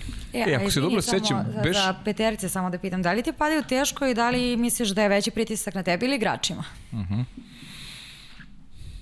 Nisam to, nikad, nikad to nisam tako razmišljao nego jednostavno mislim, mislim bar ja nekak gleda, vodim svoju neku statistiku, pa ono da li sam dobar, nisam, nisam dobar u time. Ali opet sad neke, neke sa knjige počeo da čitam, ovaj, mislim da, da ne treba živjeti u prošlosti u tim stvarima i da ne bi ništa trebalo da gradim, gradim na osnovu prošlosti, nego da ovaj, na osnovu tog momenta. Tako da, tako da i generalno sa tim petercima mislim da treba, treba biti tu prisutan. Ali opet što se tiče peteraca, a, posle a, posle naših peteraca u, u Španiji, kada smo pobe, u finalu Pobedili, da, Španiju. Počeo sam malo da gledam energiju jedne i druge ekipe. Mislim da se može od starta prvih peteraca videti ekipa koja više želi i koja sa, koja, sa većom sigurnošću šutira peterce. I definitivno ta ekipa dobija. Iako sad to možda izgleda na ovaj na onaj način, ali jednostavno može se videti u pokretima, u gestikulacija, u, u gestikulacijama, u očima pojedinaca, što golmana, što igrača, ona ekipa koja je sigurnija u sebe, koja više želi, ona će, ona će pobediti. Da. Ja se samo slažem s onima koji kažu da to nije lutrija, već stvar negde i umeća, koncentracije i uh, A, ima, mislim, mislim da kao, uh, kao sve u sportu, jako puno ovaj, uh, stvari se slaže da vi nešto dobijete ili ne dobijete na kraju. da, da, jasno. Ili da date go ili ne date go. E, Beše, ti si branio četiri peterca, a posljednji je branio Gojku, yes. tako Beš? Jeste, A, jeste. hoćemo da čujemo prvo pitanje, Marina, šta misliš? E pa da, Može, mogli, a? bi, mogli bi da vidimo A, ba, evo čemu prvo se radi. pitanje, da. Ajde. Pozdrav svima u studiju, pozdrav za mog e, dugogodišnjeg kolegu i prijatelja Branislava Mitrovića od Skoro i Cimera. E, Samo bih hteo da ga pitam jedno pitanje i da, i da objasni svima šta mu znače brojevi 246 i 642 i zašto su bitni u njegovom treningu. Da. Hvala, hvala Gojku ovaj, na, na pitanju. Ja sam onako neki, neki tip koji jako teško odustaje od nekih svojih principa, pravila, pogotovo što se tiče treninga. I, i generalno imam neke, neko razmišljanje što se tiče treninga nogu, da, da uvek kad počinjem neki mikrociklus ili pripremni ciklus manji, uvek to mora da počne sa tom određenom vežbom. I ta određena vežba se zove 2-4-6, jer se ide dve širine, četiri širine, šest širina i onda, i onda na dole. A s druge strane, Gojko je postavio ovo pitanje jer se nas dvojica uvek oko toga raspravljamo i onda on kaže šta će ti to i onda se ja kažem, kažem pusti ti ja da radim svoje. Tako da, tako da on smatra da to meni ne treba, ja smatram da mi treba i tako da uvek, ali to već, već godinama to traje ta rasprava, mislim da sad već odustao da vidio da ja neću odustati od toga. Dobro. Ali to te učinilo najboljim golmanom. Pa da, pa dobro, I ali... između ostalog. Da, pa to je eto, 2015. godine taj Kaizen, svetsko prvenstvo, Da, da. svetsko zlato, Bane, bio si i najbolji gloman, da ne budemo sad, mislim Da. da, ne budeš skroman, to, Jeste. to je priznanje si i zaslužio. Jeste, da, pa da, mislim da, da pogotovo što se tiče naše ekipe, e, da su tu priznanja nekako dolaze kao posledice igara celokupne ekipe. Nikad ja to tako nisam, nisam doživljavao, sad sam ja kao nešto, ne znam šta, ali, ali definitivno, definitivno da to prija svakom od nas. Nema tu sad ko, ne kaže, ko kaže da mu ne prija to bilo koje priznanje, taj, taj laže. Ali ja stvarno mislim da, da, da sva individualna priznanja koje smo mi dobijali kao reprezentativi Srbije, da su oni definitivno bili produkt cele, eh, rada cele ekipe, ne samo ekipe, nego i stručnog štaba i ljudi tu oko, oko tima. E sad, da li ti je žao što si izostavljen sa spiska putnika u, za London 2012? Pa ne, u tom momentu negde mi je bilo onako, bilo mi malo krivo. E, međutim, stao sam da razmišljam o iskreno kakav sam bio to leto kak, ovaj, i jednostavno smatram da u tom momentu nisam nisam zasluživao da, da, da, budem, da budem u ekipi. Jednostavno, jednostavno nisam, nisam branio na nekom svom nivou kojem sam mogu, mogao da branim i to je to. Gojko je branio dobro, ako možemo kažemo da smo mi to bili konkurenti ovaj, i on je otišao i nema tu ne, nema tu ljutnje, nema da kažemo ni sad nekog lošeg osjećaja. Bar sam ja to tako doživeo. A i sve si nadoknadio. Da. I sve si nadoknio, što kaže Marina, da, idemo na taj, taj Rio, e, toliko toga smo pričali o Rio i svedoci su e, onako tvoji, da kaže, saputnici iz generacije. E, kakav je tvoj doživljaj? Evo sad prepostavimo da Marina i ja ne znamo šta se tamo dešavalo, kako bi nam, kako bi nam opisao ceo taj, ceo taj doživljaj Rija i, i sve što se dešavalo, roller coaster kroz koji ste prošli i na kraju on, one, one dominantne tri utakmice od četvrfinala gde se zaista jednog momenta nije postavilo pitanje ko će, ko će biti najbolji. I ko je najbolji u stvari. Da. Pa ovako da ne znate šta se sad tamo dešavalo, samo ću vam reći desilo se ono što se trebalo, ono što trebalo da se desi, ono što su svi očekivali da će se desiti. Da. To moram da vam kažem e, pre svega, jer bukvalno kako se završio kazanje, svi pričaju o tome kako će Srbija da osvoji zlatu Riju. S kim god smo se nalazili, s kim god smo se po Srbiji e, susretali. E, a još samo Rio. Znaš, o, vi ste super sve, i Evropsku Beogradu, i Kazanje, ma sve, ali aj samo još Rio, aj samo još Rio. E, tako da, e, mislim da smo sa tom nekom Mogu kažeš kao negativnom energijom mi otišli tamo. Mm -hmm. Da smo mi otišli tamo, sad ćemo mi kao tu nešto da, da uzemo tu zlatnu medalju i da osvojimo. I mislim da nas je to totalno omelo u, u, u, u celoj ideji, ovaj, u celom našem putu. I jednostavno u tom momentu kad smo se osvestili, kada smo počeli da igramo waterpolo, stvari su došle na svoje mesto. Tako da jednostavno to je to. Imali smo, imali smo jako loših momenata, ali jednostavno nekako uh, sad posle tog Rija svi su pričali kao imali ste tamo te padove, loše igre, kako ste se izvukli. E sad, kad vi, kad vi to pričate, znači mi možemo da podelimo period Rija naših loših igara i period dobrih igara. S obzirom da su period loših igara bio pre tog perioda, definitivno da to ostavlja nekog traga, jel tako, uh mhm. -huh. u svima nama. Ja sam pokušao da razmislim o sebi, da li sam ja o tome razmišljao na utemici proti Španije. Ne. Znači, nijednog momenta, mi verujem da su i ostali tako razmišljanje. Bukvalno kako je počelo to četvr finali, kako je počela ta utakmica sa Španijom. Niko od nas nijednom momentu nije razmišljao o tome šta se dešavalo pre toga, da smo mi pre to, ne znam, pet dana pre toga izgubili od Brazila i, i jedva pobedili Australiju. Nego jednostavno počeli smo da razmišljamo onome u čemu smo najbolji u svetu, počeli smo da razmišljamo o waterpolu, počeli smo da igramo waterpolo i tu su stvari počele da, da, da dolaze na svoje mesto i da budu onakve kakve, kakve jesu. Mhm. Uh -huh. Ja to, ja to tako vidim i stvarno tako doživljam. Tako da, tako da i, i, i mislim da olimpijske igre, iako stvarno predstavljaju jednu onako da kažemo san svakog sportiste i ovaj i vrhunac karijere i, i tamo su svi dolaze zašto dolaze i ceo taj ceo taj cirkus koji je tamo i svi ali je moj ovaj kolega iz mađarske reprezentacije uh, bio mi kolega u Egeru Hošnjanski. On je rekao, Hošnjanski. da, on je 2008. još, još mhm. osvojio. Kaže, to je još jedan turnir kao i svaki drugi. Mislim da, da, da, da neko ako odlazi tamo sa, sa pritiskom mora to tako da doživi, da to još jedan turnir kao i svaki drugi, da to je jedini način na koji možeš da, da stvarno postigneš taj veliki cilj da ga osvojiš. Mm -hmm. Jel ti tako gledaš ili, je, ili smatraš da je to vrhunac jednog sportiste? Ne, definitivno, definitivno onaj ko nije bio tamo ne zna šta su olimpijske igre.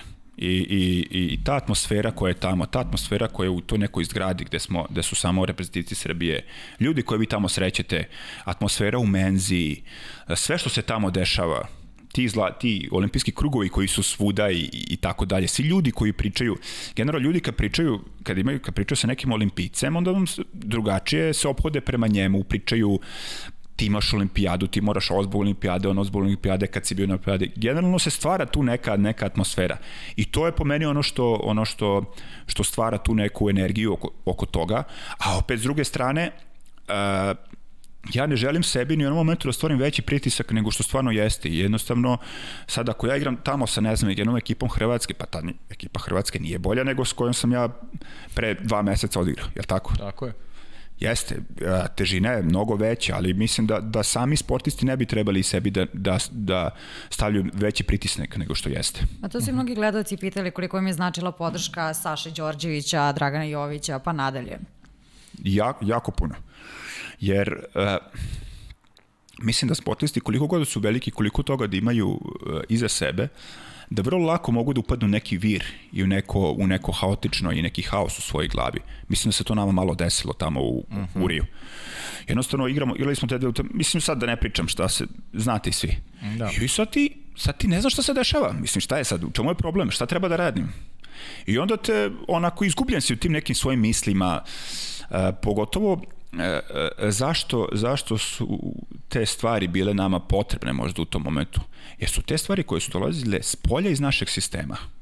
Znači, to nije neko iz našeg stručnog štaba s kim se mi srećemo svaki dan, koga mi tu gledamo, s kim komuniciramo, nego mm. neko ko je s polja, koga mi cenimo i e, čije reči mi poštujemo. I kad nam je rekao, nije on nama rekao sad ne znam Bog za šta -hmm. da se razumemo i, jer, uh, i, i zna i on sam i, i ti ljudi koji su nam tu bili znaju oni sami da nisu rekli bog zna šta ali u tom momentu su nama te reči bile stvarno velike i rekli pa da ljudi šta mi ajde, ajde igramo malo mislim da, da. da, da uživamo u svemu ome mm. Žile nam je pričao još ranije taj uticaj Gale Jović koji je onako jedan harizmatičan lik selektor tekvondo reprezentacije da je zaista imao onako uticaj na, na kompletno lako olimpijsko selo kada govorimo generalno o srpskim sportistima. Ja, ja Galeta sam prvi put tamo video i upoznao i vi jednostavno e, ljude sa pozitivnom energijom vrhunske šampione vi to odmah prepoznate. Jednostavno vi nekad vidite kad počne da pričate s njim, osetite to nešto... Da, da, energiju. Osetite energiju. To vam je upravo potrebno u nekim, nekim momentima kada ste, kada ste malo dole, što se kaže. Jasno. A kaže mi Bane Tokio, ili može da se ponovi, da se reprizira ono što smo gledali u Riju pre, to će biti pet godina u stvari. Da, da. Pa mislim da, da niko od nas ne bi išao u, u Tokio da, da, da ne može to da se ponovi. Uh -huh. e, definitivno imamo kvalitet. Sad, e, ono što je s druge strane isto definitivno to je da više nismo toliko dominantni odnosu na ostale ekipe kao što smo recimo bili u Riju. Uh -huh. e, ono što je dobra stvar je mislim da smo mi sve, da smo svi svesni toga. Tako da, tako da ono što je bitno da mi dalje se igramo po vrhunskim klubovima, da ja verujem da svi naši igrači su u ozbiljnim dobrim formama, ako se dobro pripremimo, ako nas obiđu neke negativne stvari, verujem da, da možemo da se, da se nadamo rezultatu. E, ono, što, ono što smo mi postali svesni, ovo što sam rekao, da to mi nismo više toliko dominantni. I jednostavno to treba tako prihvatiti, što znači da opet treba, e, da kažemo, želju i glad podesiti na onaj mod kada, kada, kada nismo bili, kada nismo osvojili ovo sve, nego kad smo bili tu onako malo u zapleću, što se kaže. Uh mhm. Evo, posle Tokija, da li je tu kraj i ako jeste, koga vidiš kao svog naslednika, koga gledaš uopšte? Pa dobro, mislim da mislim da nijedan reprezentativac Srbije nema pravo da se, da se samo odrekne reprezentacije. Uh mhm. -huh. ovaj, upravo zbog svega toga što smo i dalje što smo i dobili ove dobre reprezentacije, tako da je verujem da onaj ko bude selektor posle da će onda odluči komu treba, komu ne treba. Ako budeš pozivan, ili ćeš reći, ok, tu sam? Apsolutno, uvek. Mislim, dogod, dogod me telo bude služilo, dogod ja budem mislio da mogu da pomognem uh mhm. -huh. ove reprezentacije u bilo kom obliku, ja ću biti tu. Uh -huh. e, što se tiče budućnosti srpskih gomena, mislim da, mislim da apsolutno ne, imamo ne treba da brinemo, to sam uh -huh. teo da mhm. kažem, uh -huh. Ove, da imamo dobre momke, Stefan Žinović, Dimitri Rističević, Lazar Dobožanov, uh, uh, mali Filip iz, iz Šapca, jednostavno to su, to su izuzetno ozbiljni golmani koji su se već dokazali. Tako da, tako da, mislim sada imate jednu situaciju u reprezentaciji Srbije, uh, ne samo oni, nego svi ovi mlađi igrači su imali tu nesreću da, da smo i relativno rano došli na, na scenu i da smo prošli dobre rezultate, da su oni dosta dugo vremena čekali na svoju šansu. Uh mhm. -huh. Tako da, Tako da ali ja, ja verujem da su to vreme dobro iskoristili i da, da je spremno ove očekuju. E, Bajne, apropo one tvoje priče, kako je nekad bilo jasno da ko je prvi golman u reprezentaciji, da uh, je praktično rezeni golman sedeo na klupi i čekao da se utakmica završi. Interesantno je kako, kako Deki, kako rotira uh, tebi Gojka. Tu če, često, često mi koji gledamo sa strane nemamo utisak o tome ko je, e, ko je tu prvi golman. Dešava se često branite po dve četvrtine. Uh, kako gledaš, kako gledaš na to? Imam utisak kao da vas drži spremnim i, i jednog i drugog da, da u svakom momentu možete da uskočite u bazen. Nikad nisam to, nikad nisam o tome razgovarao sa Dejanom, možda jednog dana kad mm -hmm. ne bude se to mene ticalo, možda ću razgovarati da. s njim.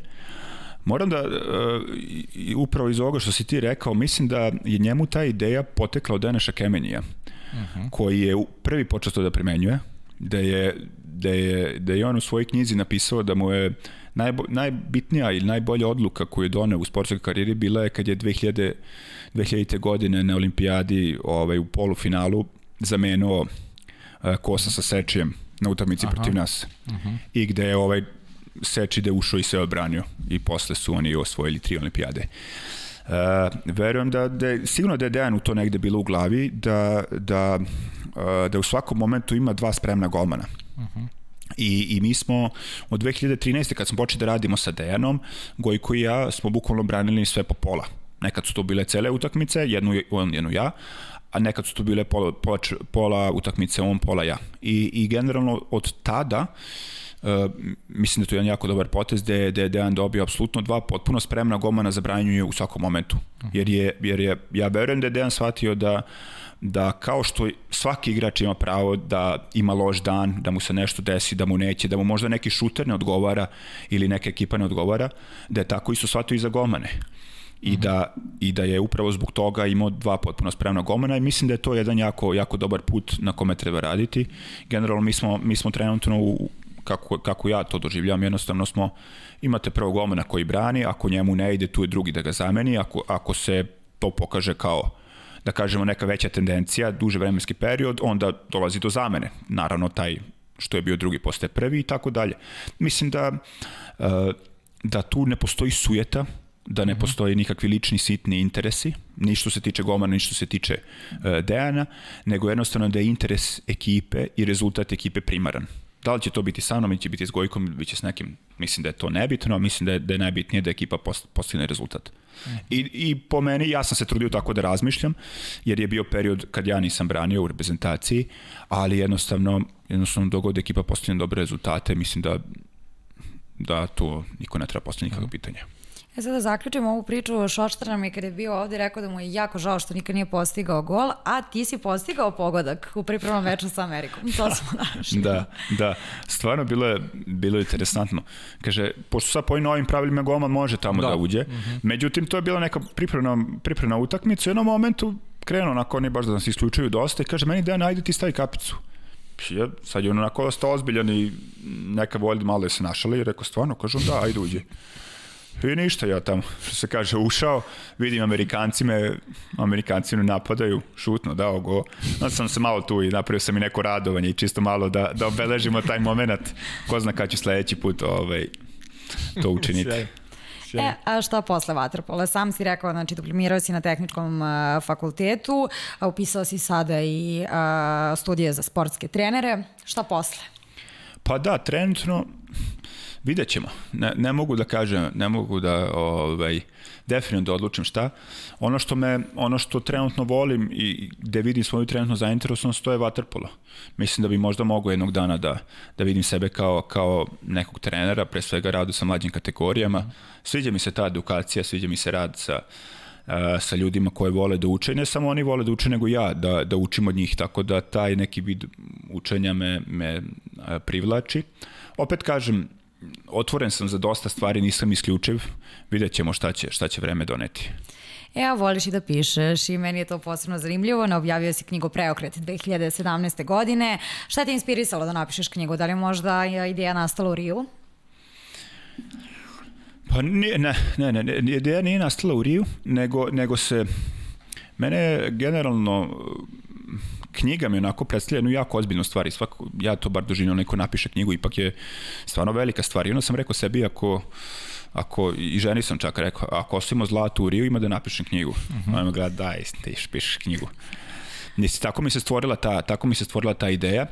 Uh, S druge strane, jako volim da pomažem mlađima, volim da delim neke svoje životne savete. Uh, ono što, što mi je uh, podstaklo takođe za pisanje knjige, to je ishrana, ovaj, jer uh, 2014. godine sam počeo da se hranim po hronoj ishrani i meni jako dobre rezultate donelo i u tim nekim periodima ja nisam vidio da sportisti znaju kako treba da se hrane. Uh, I meni je, meni je ta knjiga bila jedan od, e, da kažemo, videova kako bi ja predstavio nekome kako može da se hrani, kako sa vrlo sa velikom lakoćom može da se prilagodi svoj život i da se zdravo hrani i da se još bolje osjeća. I to je bilo neko od, neka od ideja pisanja knjige i onda se to vremenom sam tu našao ljude, s kim ću to da radim, kako da radim i tako dalje i onda se, onda se stvorila knjiga. Uh, iz, ovog, iz ovog ugla ovaj, izuzetno sam ponosan na taj deo. Uh, mislim da, mislim da sad mislim da bi možda više pisao, u smislu da, da smo malo požurili sa knjigom da je tu moglo da se nađe. Ne u smislu tom vremenski, u tom momentu, ali da, da smo recimo jednog godinu, godinu i po dana da se radilo na knjizi, verujem da bi bila još bolja i da bi, da bi još neke stvari napisali, ali, ali izuzetno su pozitivni efekti svih ljudi koji su pročitali knjigu. Da. Ja se sećam promocije, sećam se da je kolega iz Dorčevskog Bamburluka imao pitanje neko vezano da. Hoćemo da pogledamo pitanja. Ajde, možemo pogledati pitanje ajde. Pozdrav svima u studiju, pitanje za Baneta. E, Bane, zanima me da li ćeš se posvetiti pisanju nove knjige vožnje. Ćao. To, ta ideja, mislim da je, da je rođena tu negde. Ja sam sa Strahijom igrao jednu godinu u igru i uh -huh. onako baš smo, postali smo jako dobri isto od tog perioda. Ove, takođe sa, sa crnogorskim kapitenom crnogorske reprezentacije Draško Brgljanom sam razgovarao na tu temu, kad sam mu rekao neko svoje, neke svoje zamisli o drugoj knjizi e, i, i on me baš onako i podstakao na to. Imao sam neku ideju da, da pišemo o tome e, koliko prof, e, život profesionalnog sportiste donosi dobroga, pre svega koliko donosi lošeg i to bi mi bila neka ideja uh -huh. i, i, i ovaj, kome god sam to rekao, oni su rekli pa da što da ne, to je jako interesantna tema, jako malo tekstova ima od toga, mislim da ljudi jako malo znaju u suštini koliko lošeg može da donese ovaj, da kažemo, život jednog vrhunskog sportiste, bukvalno od najmlađih dana pa, pa sve do možda čak i do, do kraja karijere i posle uh -huh. karijere. Ali tre, to, to su neki, da kažem, onako nacrti ove što se tiče te knjige, vidjet ćemo. Trenutno nije u, nije u razmatranju, a stavljene je sa strane, pa eto, ako jednog dana bude malo viška vremena, ko zna, možda krenem to da pišem, pa, pa isp, ispadne i to na nešto. E, a bilo, Samo da znaš bilo da mi Filip Filipović pitao kada će nastava knjige. E, da, i Filip me posle pitanje, da znaš, nije video poruka, ali posle poruku. poruku Aha. Dobro. Ali imamo knjigu ovde. E, da, ja sam, ovaj, evo je tu. Ja sam teo ovaj, tebi Marina, pošto sam čuo da si ti pisac, teo, dono sam ti jednu knjigu da ti poklonim. Evo, Izvoli. da pokažemo. Samo da. da vidimo. Evo ga, preokret. I to ćemo pročitati. A pošto si ti meni donio knjigu, imam i ja za tebe. Evo, izvoli. Eto, super. Hvala ti. Tako da imaš i ti moju. ja, sam, ja sam ovde inferioran, dobro, kad budem, ako Čak budem jedno pisao... Mi smo se dogovorili, ti, da, ti kad budeš napisao knjigu, dobit ćeš ti jedan primerak, stavio sam sa strane. Hvala, Bane, čuvaj negde da. u sefu, zaključaj, pa Ako mi se, ako mi se otvori, pisaću. E, ali ja moram da kažem, evo priča o događajima, ljudima iskreni koja je promenila moj život i karijeru. Imamo toliko pitanja, pa ja ću pročitati svakako, ali za druge ljude njih najviše zanima kakva je hrono ishrana, koje su prednosti. Mnogo smo poruka dobili kada je u pitanju ishrana, zaista. Meni je, uh, jako mi je žao kad, kad ljudi čuju kao hrono ishrana i kad čuju neku djetu kao daj, ne mogu šta to. Uh -huh. A jako jednostavno i nisam ću sad tu da, da prodajem neke, neke priče i to. Bukvalno postoje postulati koje, koje čovjek treba da se pridržava, kad šta, e, kad u suštini treba da jede određene namernice. I ja bukvalno sve jedem. Samo je pitanje u koje doba dana jedem sve to što to treba da jedem. I mm -hmm. to je to. I, I ono što sam, e, zašto sam ja pričao to iskreni, zašto sam preporučivao drugima, jer sam ja kad sam počeo tako da se hranim, mnogo bolje spavao, mnogo bolje sam se oporavljao od, od treninga, mnogo sam se bolje osjećao u toku dana, jer, jer e, način po kome hrona ishrana funkcioniše doprinosi tome da se vama hrana što manje zadržava u želocu i samim tim ostavlja organizmu mnogo više krvi za druge delove organa, mišića i tako dalje. Ako sad razmislite malo, to je, to je vrlo logično. Mm. Tako da se, da se onda čovjek u tim periodima mnogo brže oporavlja, mnogo se bolje osjeća. E, oni sad tu radi se, ostranjuju se neke bolesti i tako dalje, to su sad već neke druge stvari, ali opet e, izuzetno jednostavno ovaj, da kažemo, način ishrane. Mislim, to sad ima jako puno na internetu, može čovjek da pročita. Znači sad ovdje, do, nisam došao da prodajem svoju knjigu. Da Ali kažem, možemo. Ne, pa da, ne. da kažem da, da, ne, jednostavno to, ovo kažem zbog toga zato što... Pričamo knjiga, o tvom delu i knjiga je tvoje delo. Jeste, knjiga je moje delo, ali knjiga nije bila napisana kako bi ja zaradio neke pare i okay. kako bi se obogatio od toga, nego jednostavno kako bi, neke, kako bi moje, moje razmišljenja došli do nekih ljudi. Uh mhm. -huh. Upravo zbog toga ističem te stvari. Ja smijem onda ja da pitam, pošto to su nas ostavili, pitali, ko, šta je idealan, možeš da izabereš, doručak ili večera? Pa idealna, ve, što se mene tiče, idealnija večera ne može da bude od salate i uz to da li recimo neka jaja, da li tunjevina, da li meso. To je, to je za mene idealno. I to mi onako, kogod je to jeo, nema, nema više, više nešto da mu prija od toga. A s druge strane što tiče doručka, tu ima toliko idealnih stvari. tu, ali generalno hrono ishrana e, e, propagira doručak da u suštini, u suštini možete sve da jedete. I ugljen hidrate, i proteine, i masti. Jedino što ne bi trebalo da jedete, to su šećeri. Uh -huh. I, I zašto je još meni hronoishrana dobro došla? Jer sam se ja u jednom 90% slučaja već hranio po hronoishrani i pre nego što sam, ja za doručak nikad ne jedem slatko. Slatko se jede samo popodne, recimo. Tako za ručak se ne kombinu ugljen hidrati i proteini. Uveče nema ugljen hidrata. I eto, to su neke, izbacuju se mleko, sam izbacio skroz i tako dalje. Tako. To ću vam morati da pročitam. To sam ja. Odavde. Tu si, tu si. Ali nisam znao recimo neke stvari, ali prosto mi nije prijelo da slušaš sebe jednostavno. Pa eto, da. tako neko sluša sebi i napi... I napisao knjigu. Iako nije Sjajno. reklama, evo da vidimo još jednom, preokret Branislav Mitrović, pa da pročitaju ljudi. Da, tako je. sigurno pročitati. Hoćemo da sada pređemo na pitanje gledalaca. Hoćemo, Marina, Toliko da. pitanja imamo Hoćemo, za tebe. pa ne, pa zato što gledam, gledam na sat Gledam, naš, da, gledam na ja. sat da stignemo do... Da stignemo, sve imamo toliko pitanja, ne znamo odakle da Pa ajde ti kreni, pa ćemo da vidimo. Uh, ovako, da li je, čekaj da vidim gde smo, da, prvo da nam kaže šta je teže biti igrač ili golman, pita Marko. Sad da, pa- da o, odbranim svoje kolege kao teže biti golman. Uh, Ra, uh, što se tiče fizičkog dela, apsolutno teže biti igrač. Ne može da se poredi. Ni što se tiče treninga, ni što se tiče uh, utakmica. Međutim, za golmana mislim da ne može da bude svako. Uh, mislim da je jako veliki pritisak uh, na golmanu uh, i mislim da je koncentracija ta i moment pažnje koje, koju golman može da, da zadrži, koju je potrebno da bude branio odigrao jednu utakmicu na vrhunskom nivou. Tako da su to neke dve stvari koje, koje treba razlikovati. Mislim da ne mogu uopšte da se porede. Jednostavno, i imate još jednu stvar, bukvalno što golman nema prava na kiks. Odnosno, golman mora od prvog seku, prve sekunde utakmice da bude, bude prisutan na golu i da bude aktivan i igrač može da se uključi da može da da dva, tri gola tamo negde posle, golman to, golman to ne može. Ali ako, ako pričamo, mislim da, da je i pitanje bilo namenjeno to nekom, da kažemo, fizičkom aspektu uh, aktivnosti, definitivno da je ove, da kažemo, igrač taj koji je mnogo, mnogo napornija pozicija nego golman. Uh -huh. E, izvini, pa ja moram da se nadovežem Ajde, baš ajde. na ovo pitanje. Milivoje Nikčević, neki savet za golmane koji tek počinju da brane i veliki pozdrav. Da, toliko toga ima. Pa, suština je, suština je samo da uživaju u tome šta rade i da, da, da prate loptu. Uh -huh. Eto, to je nešto što naj, najkraći čovjek može da kaže. Milan pita da opišeš osjećaj kada si u Svetskoj ligi 2016. godine proglašen za najbolji golman. Svetska Još liga 2016. godine. Da, tad, tad sam, to je ta, te godine uh -huh. je, je nastao jedan paradoks gde je Grek bio proglašen za najbolje golmana, a ja sam bio proglašen za MVP-a Svetske lige. Tako da, pa ne, ne znam, nekako, meni je, meni je uh, kad, se, kad, se, kad smo mi osvajali ta sva, ta sva takmičenja, meni je to onako bilo najveće zd, ovaj, radosti i, i zadovoljstvo, taj moment kad se završi utakmice, kad smo mi osvojili.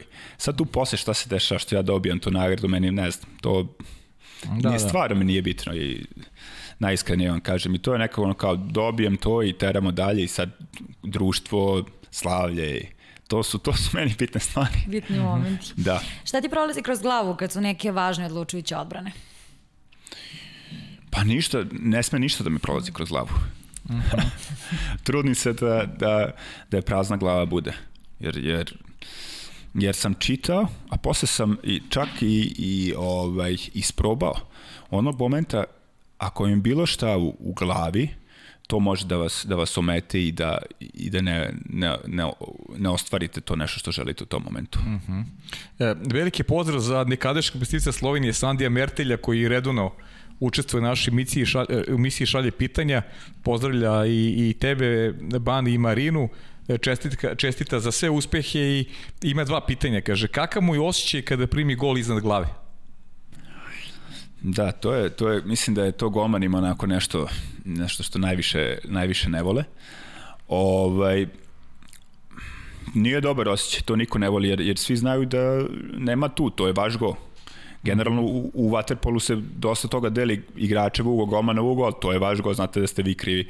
Međutim, sad, sad sa godinama ove, jednostavno sam polako izgradio to da ne razmišljam o tome nego da idem dalje. E, još jedno Sandio pitanje, kaže, neka ljudi mi objasni šta on treba da obrani, šta je njegovo, a gde najviše očekuje pomoć od saigrača?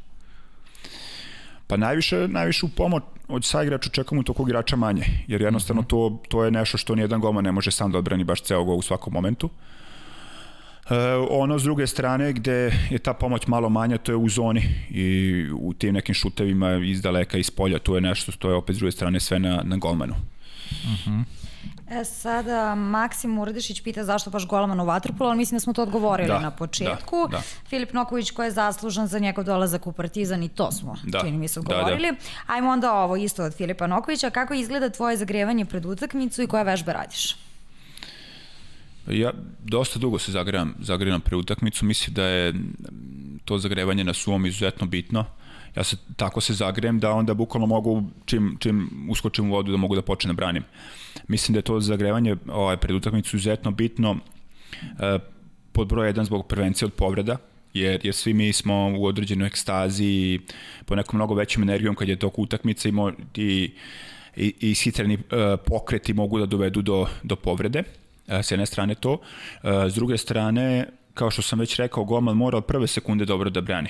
I ja jednostavno moram tako da se pripremi i fizički i mentalno, da od prve sekunde utakmice e, budem 100% spreman da reagujem na, na loptu koja će doći kao upućen šut. E, Jelena Stjanović ima još jedna naša reduna saradnica, Verna, uvek ima pitanja, pričali smo to za i ona zna da ti se majka bavila košarkom, ali o tome smo pričali. Kaže, pošto je knjigu napisao nakon olimpijskih igara na kojima su uvijek zlato, šta bi bila sledeća stvar u karijeri koja bi ga inspirisala da ponovo napiše knjigu? Ali to smo opet negde odgovorili. Pa rekao da, ali sam te... da nisu baš olimpijske igre bile inspiracije, već si rekao, Jest. obećao prosto samom sebi da ćeš da... E, trener koji ima najveći uticaj na njega? Isto pita Jelena. Pa to ne bih ne bih znao da ove, mhm. nekako mm, svi su mi treneri nekad negde onako negde su mi, negde su mi bili prolazni. Moram da istaknem recimo Slobodana Sora.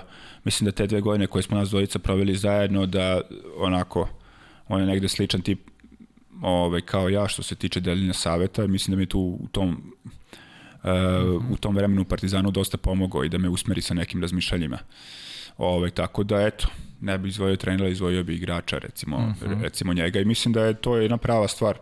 To sam mu zahvalan koji sam dobio od njega pregraš saveta i ne samo, ne samo sportskih, nego i životnih, recimo u tom nekom periodu sazre, potpunog sazrevanja pojedinca. Uh mhm. -huh. Ove, ovaj, tako, da, tako da je to neka, to je neka stvar koju bi izdvojio. E sad, ja sam dobila preko 20 poruka, verujem da će ti to značiti. Bravo za knjigu, vrlo poučna za mlade vaterpoliste, pa pohvale za knjigu prvi vaterpolista koji je posvetio pažnju ishrani, pa šta te je inspirisalo, pa sada ja sve to ne čitam, ali zaista ima previše takvih poruka. Evo, ajde da pređemo onda na konkretno pitanje Ronald Vuković, omiljena medalja. Pozdrav za Rokija. Ovaj put to mi je dobar drugar iz Novog Sada. Uh -huh. Pa definitivno Rio. Nema tu, to je To je onako najteža. U, u svakom smislu. Da. najteža medalja. Pa ja sad tu malo pričam i ovako i onako da je to samo turnir, ali definitivno da je da je olimpijske igre su san svakog sportiste, samim tim sam odlazak tamo i još ako mu uspeš da osvojiš tamo medalju, upeš zlatnu, to nema, nema veće od toga. Uh mhm. -huh. Možda izdvojiš nekog saigrača, isto piti Jelena, kaže omiljeni saigrač i uopšte može da izdvojiš nekog. A sad je to sad je to jako relativna stvar u, mm. po čemu omiljeni saigrač. Da. Mislim tu ima nije nije definisano pitanje, samo piše omiljeni saigrač, da. Da. Evo, kad smo išli kod saigrača, jesi se evo Andrija Rajović pita da li si se ikada svađao s nekim saigračem i zašto? pa ja nisam nisam taj tip koji voli da se svađa. Mm Međutim, sama, sama pozicija gomana mislim da dopuštate neke stvari. Pogotovo sad ono kad si, kad si malo stariji da te neke stvari moraju da da budu, da mnogi golmani traže određene stvari da budu kako, kako oni hoće, ali da, svađao sam se. Mislim da je to normalna stvar u, u sportu. Jednostavno, sad opet malo da filozofiramo, ali šta, kako ćemo definisati svađu? E, kao razmenu mišljenja, ili tako, i to tako što je. ne mora da bude ne, negativna stvar. Da. Da ne, to je samo jednostavno pozitivno raz... Sad to ako preraste u neke druge stvari, onda to treba mm -hmm. sankcionisati na druge načine, ali Kaže, negdje izjavio da mu je, kada je počeo da trenira atmosferu, timu bila bitnija od rezultata koje postižu. Pa ko je zadužen za dobru atmosferu u, u srpskoj reprezentaciji? E, slažem se, pogotovo u, mislim da u mlađim kategorijama, to sam izlavio, izjavio vezano za mlađe kategorije, mm -hmm. mislim da je mnogo, mnogo bitnije od rezultata koje ekipa postiže u mlađim kategorijama to da je jako dobra atmosfera kod klinaca u toku treninga, da trener drži dobru atmosferu i da je to nešto, jer samo treniranje bilo kog sporta e, u mlađim kategorijama nema za cilj isključivo rezultat, nego sazrevanje, odrastanje, upoznavanje sa pravim stvarima, pravim vrednostima i tako dalje i, i mislim da je, da to, i da je jedna od bitnih stvari u tom smislu ta atmosfera i to je ono što zadržava a, klince mm -hmm. na sportu. Što se tiče same reprezentacije, nikad tu nije bio neki pojedinac koji, koji je, da kažemo, pravi atmosferu i generalno ja ne volim to tako da ističem, jedno doživljavanje tu kao nekog pajaca koji će sad tu pravi atmosferu. Da, da, jasno. Mislim da nema, mislim da, da je to sklop, sklop jedno, i da danas je to isto tako, sklop momaka koji slično razmišljaju, koji imaju slični smisao za šalu i onda tu kako se nađe neka atmosfera koja je podložna šali, pa bilo to čak i trening nekad, ovaj, napravi se dobra atmosfera. Mm -hmm. I, I koliko god uh, neki treneri možda pridavali tome značaju ili i ne pridavali, to je jedna jako bitna stvar i koja jedna od karika koja je neophodna za uspeh ekipe. Mm -hmm. A, Živanović Stefan 01, Zvezda ili Partizan? Vojvodina. Dobro. Može? Može, može naravno da može. U čemu se razlikuju treninzi igrači i golman osim u plivanju? Pa mnogo čemu. Mislim, onaj, onaj ko zna samo u waterpolo igru, oni su non stop u duelu u šutiranju i mnogo je napornije to ne oko gomana. Mi treba da mi, ra, mi razvijamo noge, razvijamo neke, neke polože, eventualno iskoke, tako da, tako da u mnogo čemu se razlikuju. Mislim da sama, kao što sam rekao, sama aktivnost igrača je izuzetno napornija i zahtevnija. Ima mnogo više stvari koje oni treba da razvijaju ovaj, odnosu na nas. Mhm. Uh -huh. A, Boro Vinav, najbolji hrvatski igrač trenutno. Uh, Maro Joković. Uh, najnezgodniji šuter? Pa ne, i, i to, je, to, sam, to sam razmišljao puno puta. Mislim da ovaj, i, taj najnezgodniji šuter, kad se ja dobro spremim, on opet, nije, opet mi nije nezgodan. Nikad nisam nekome, nekome uh mhm. -huh. predavao značaju. Ali, ali definitivno ono što kod toga treba istaći, imate bi ozbiljnih šutera, to su ti, ti igrači što imaju bombe u svojim rukama, na recimo kakav je Dušan Mandić. Sad njemu na utakmici kad uđe jedan, dva šuta, on može da ide i do pet. E sad onda, to je to. I sad vi koliko god bili dobri, on će, na, kad im, ako ima svoj dan, on će on dati pet golova. Mm -hmm. A opet sad dođe sledeća utakmica, on ima šut 5-0. Sad da treba kažem da, da. da, je on najnez, da mi je on nezgodan. A to se recimo desilo, je, konkretno i s Mandom mi se desilo prošle godine, kad smo igrali sa Prorekom. U Budimpešti mi dao pet golova, u sledećoj utakmici nije mi dao ni jedan, mi smo pobedili. Sad, uh mhm. -huh. ja, ja ne volim, ne volim da, da ističem da mi je neko nezgodan. Jer jednostavno, ovaj dan si ti bio dobar, sledeći dan ću ja biti dobar. Jednostavno, shvatam sebe dovoljno dobrim da, da mogu svakome da odbranim šut. Da taj dan si možda ti bio dobar, ok, čestitam ti. Pa jeste, da, da. jeste, trenirat ću malo više, pa, pa mi nećeš dati go. Mm. Laza Grbić pita, mišljenje o Vatrpolo klubu Beograd. Pa Vatrpolo klub Beograd je jedan izuzetno bitnih ovaj, klubova za razvoj uh, waterpola u Srbiji, uh, pogotovo u tom nekom periodu gde sam, gde sam ja odrastao, ovaj, tad je waterpolo klub uh, bio treći, treći klub u, u waterpolo klubu Beograd je bio treći klub u, u Srbiji. Pored toga, taj, u tom klubu su ponikli mnogi reprezentativci, da kažem budući reprezentativci, braća Rašović, Nemanja Ubović, oni su svi, svi i mislim da je Waterpolo klub Beograd uh, jedan klub koji moramo da negujemo i koji moramo da, da održamo. Ovaj, i da ga podržamo, jer je izuzetno bitan. E pa, izvinite, tamo ću da se nadovežem. Leon Tić pita mišljenje o Vatrpolu klubu Šabac. E sad, što se tiče Vatrpolu kluba Šab, Šabca, ja imam neku ličnu istoriju što se tiče njih. Uh mhm. -huh. U tom nekom periodu, ove, kada sam ja ulazio u, u prvi tim, oni su nam bili glavni konkurenti za prvu ligu. I čak moje prve sezone smo izgubili baraž za ulazak u prvu ligu upravo od Šabca to tad, tad, su, tad su bile neke zlatne godine. U tom dobu tad baš nije bilo lako ovaj, igrati prvu ligu, mm -hmm. tako da su bile zlatno doba Šapca. Međutim, ono što je bitno i što se pokazalo kao izuzetno jedan, jedan dobar klub i bitan klub. I generalno, generalno mislim da je stanje u srpskom vaterpolu sa što se tiče klubova u prvu ligu izuzetno dobro. Imamo sad mnoge, mnoge dobre klubove. Da ih ne mm -hmm. nabrajam, nabrajaju se ovde stalno. Tako da mm -hmm. mislim da je mnogo, mnogo bolje stanje u srpskom vaterpolu sada nego kad sam ja, kad sam ja bio prisutan. E, veliki pozdrav Jovana Pantović, inače reprezentativka Srbije koja igra za Vojvodinu. E, pita koliko ti je probajna iskrena pomogla u sportu? Jako puno. Da. A, između ostalog ovih stvari koje sam nabrio, ima, ima jedan jako bitan mo, e, motiv zbog kog sam između ostalog ja i potražio hronu ishranu, uh -huh. a to je da vi znate tačno šta kad jedete. To je jako bitna stvar za sportistu. On sad dođe s treninga, ja šta ću sad jesti? ja šta ću sad da jedem za ručak, a vi kad imate prilike utvrđeno šta jedete, onda vam je mnogo lakše i da spremate i da namestite sebi hranu i tako dalje. Vidiš li sebe nakon završetka karijere kao pisca ili motivacijenog govornika s obzirom da je jako zanimljivo, poučno i inspirativno slušati te? Da, hvala, hvala za ovaj, pohvale. E, pa ne vidim sebe u tome. Ovaj, jednostavno, trenutno sam mnogo bliži vaterpolu i nešto vezano za vaterpolo nego, nego za te stvari.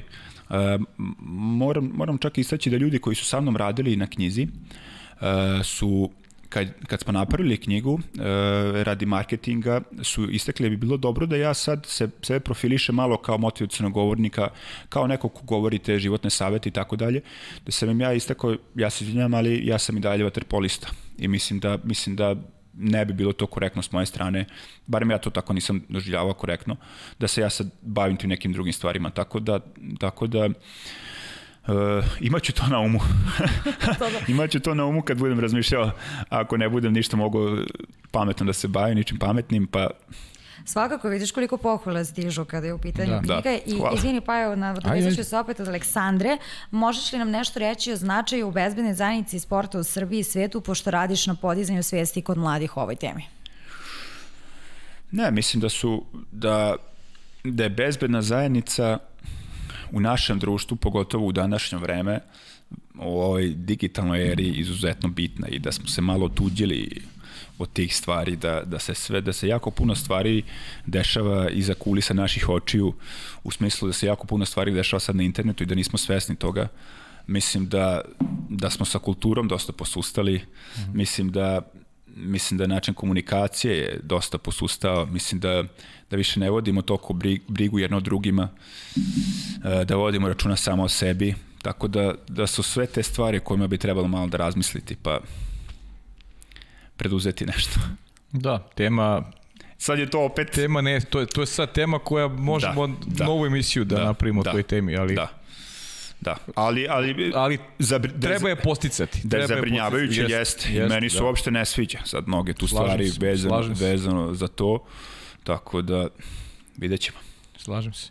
E, imamo jedan blok, naravno, naše koleginice Sara Radović, koja je takođe e, aktivna u pripremi ovih emisija, pa ćemo, ajde neke pitanje koje s nismo dotakli, a, a idu u glavu, onako, Slobodan Sor ili Denis Šefik?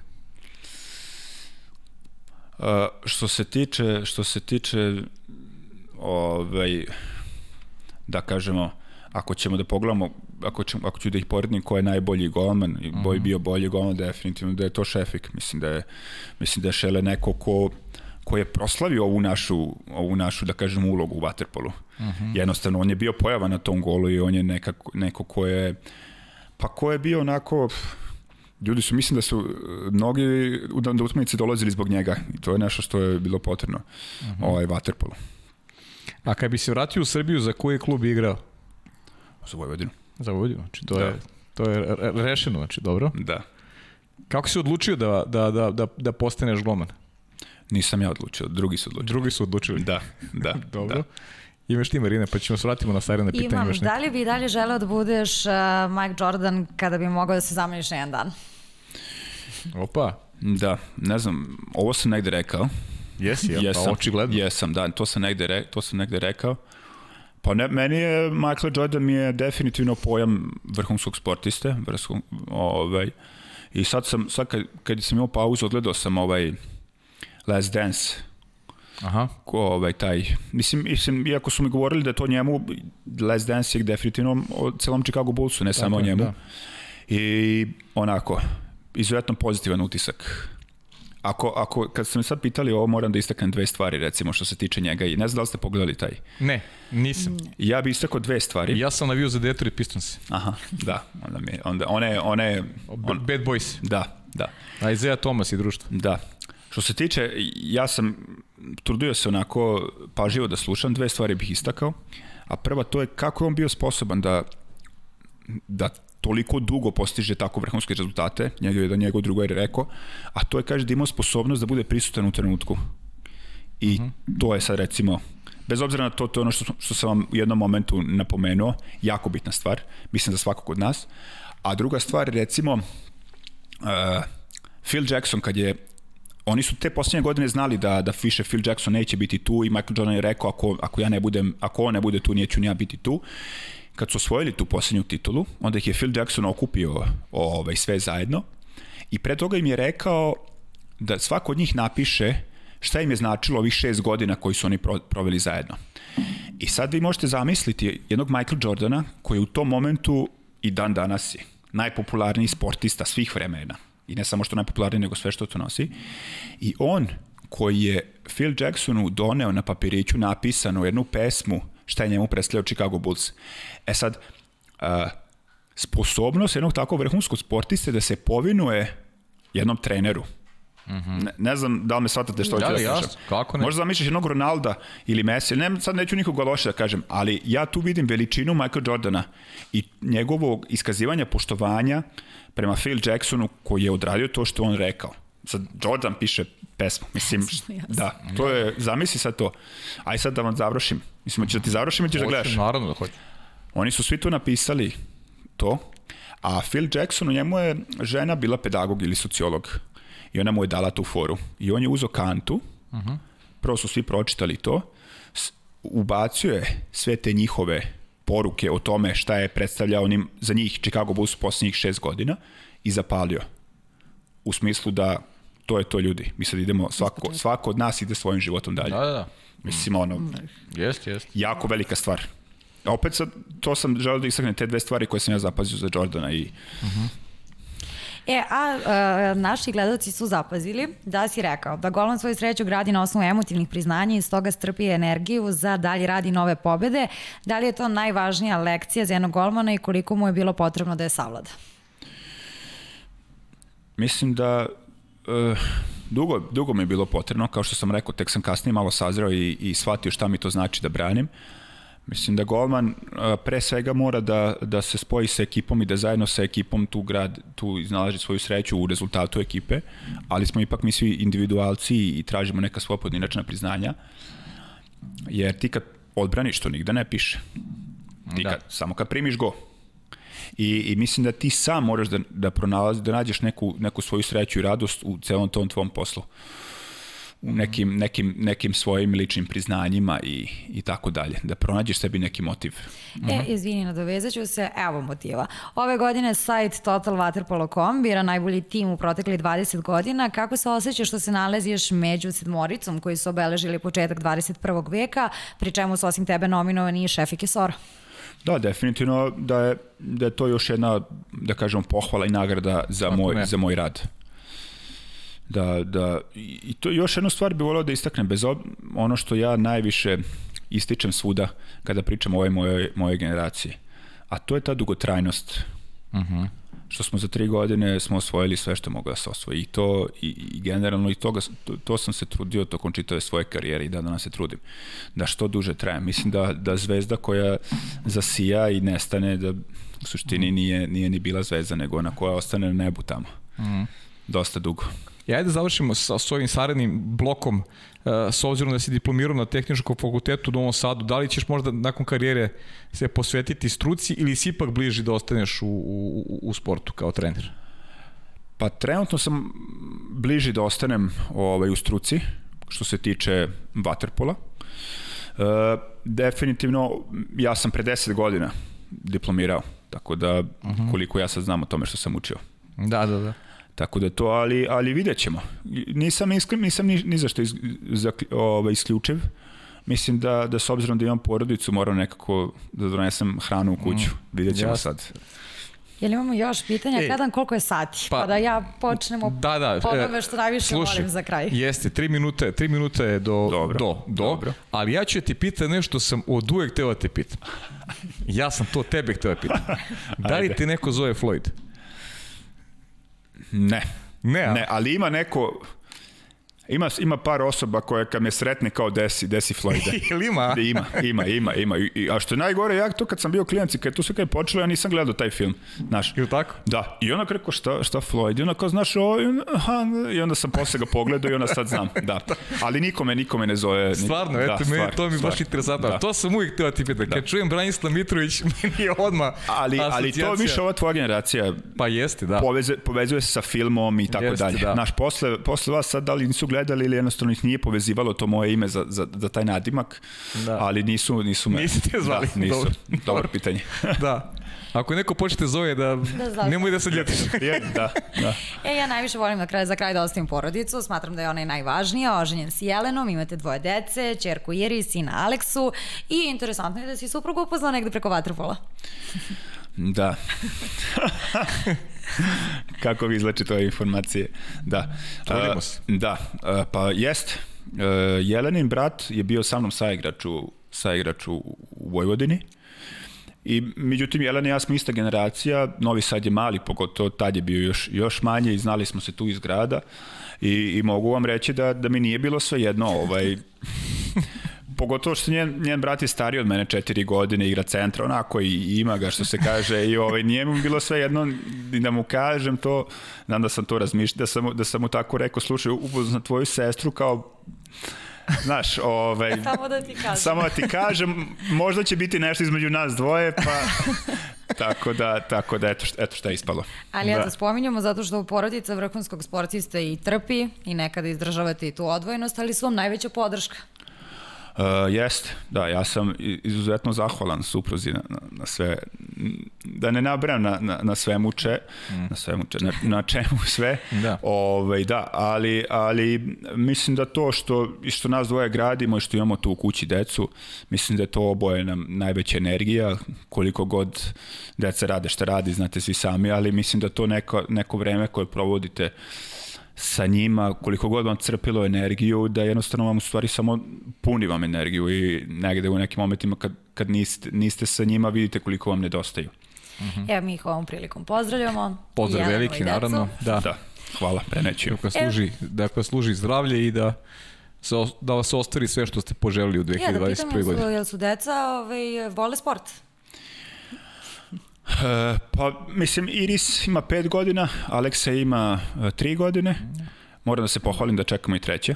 O, Da. pa čestitamo. U februaru. Bravo, sjajno. Tako da, sjajno. da, da. Sjajno. Ovaj, ono što mi tu malo po kući se igram s njima, vidim da vole. Vole, vole da se igraju, sad vidjet ćemo. Vidjet ćemo. Iris mnogo više voli da pleše, uh, Aleksa mnogo više voli loptu, tako da ja i ne želim da ih opterećujem ni sa čim.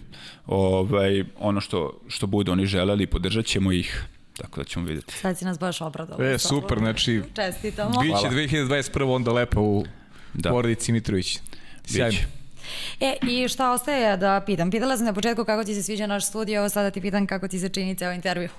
Odlično. Mislim da mislim ono što smo pričali pre emisije da je jako bitno ovaj da da se da se svako opusti. Ste bili opušteni? Skroz. Samo, da. Skroz, skroz. Da. A bitno je da si ti opušten. Jesam, da. E, da. to je najvažnije. Da. Mislim, Mi ja smo sam samo servis. Ti, Da. ti, ti si važan.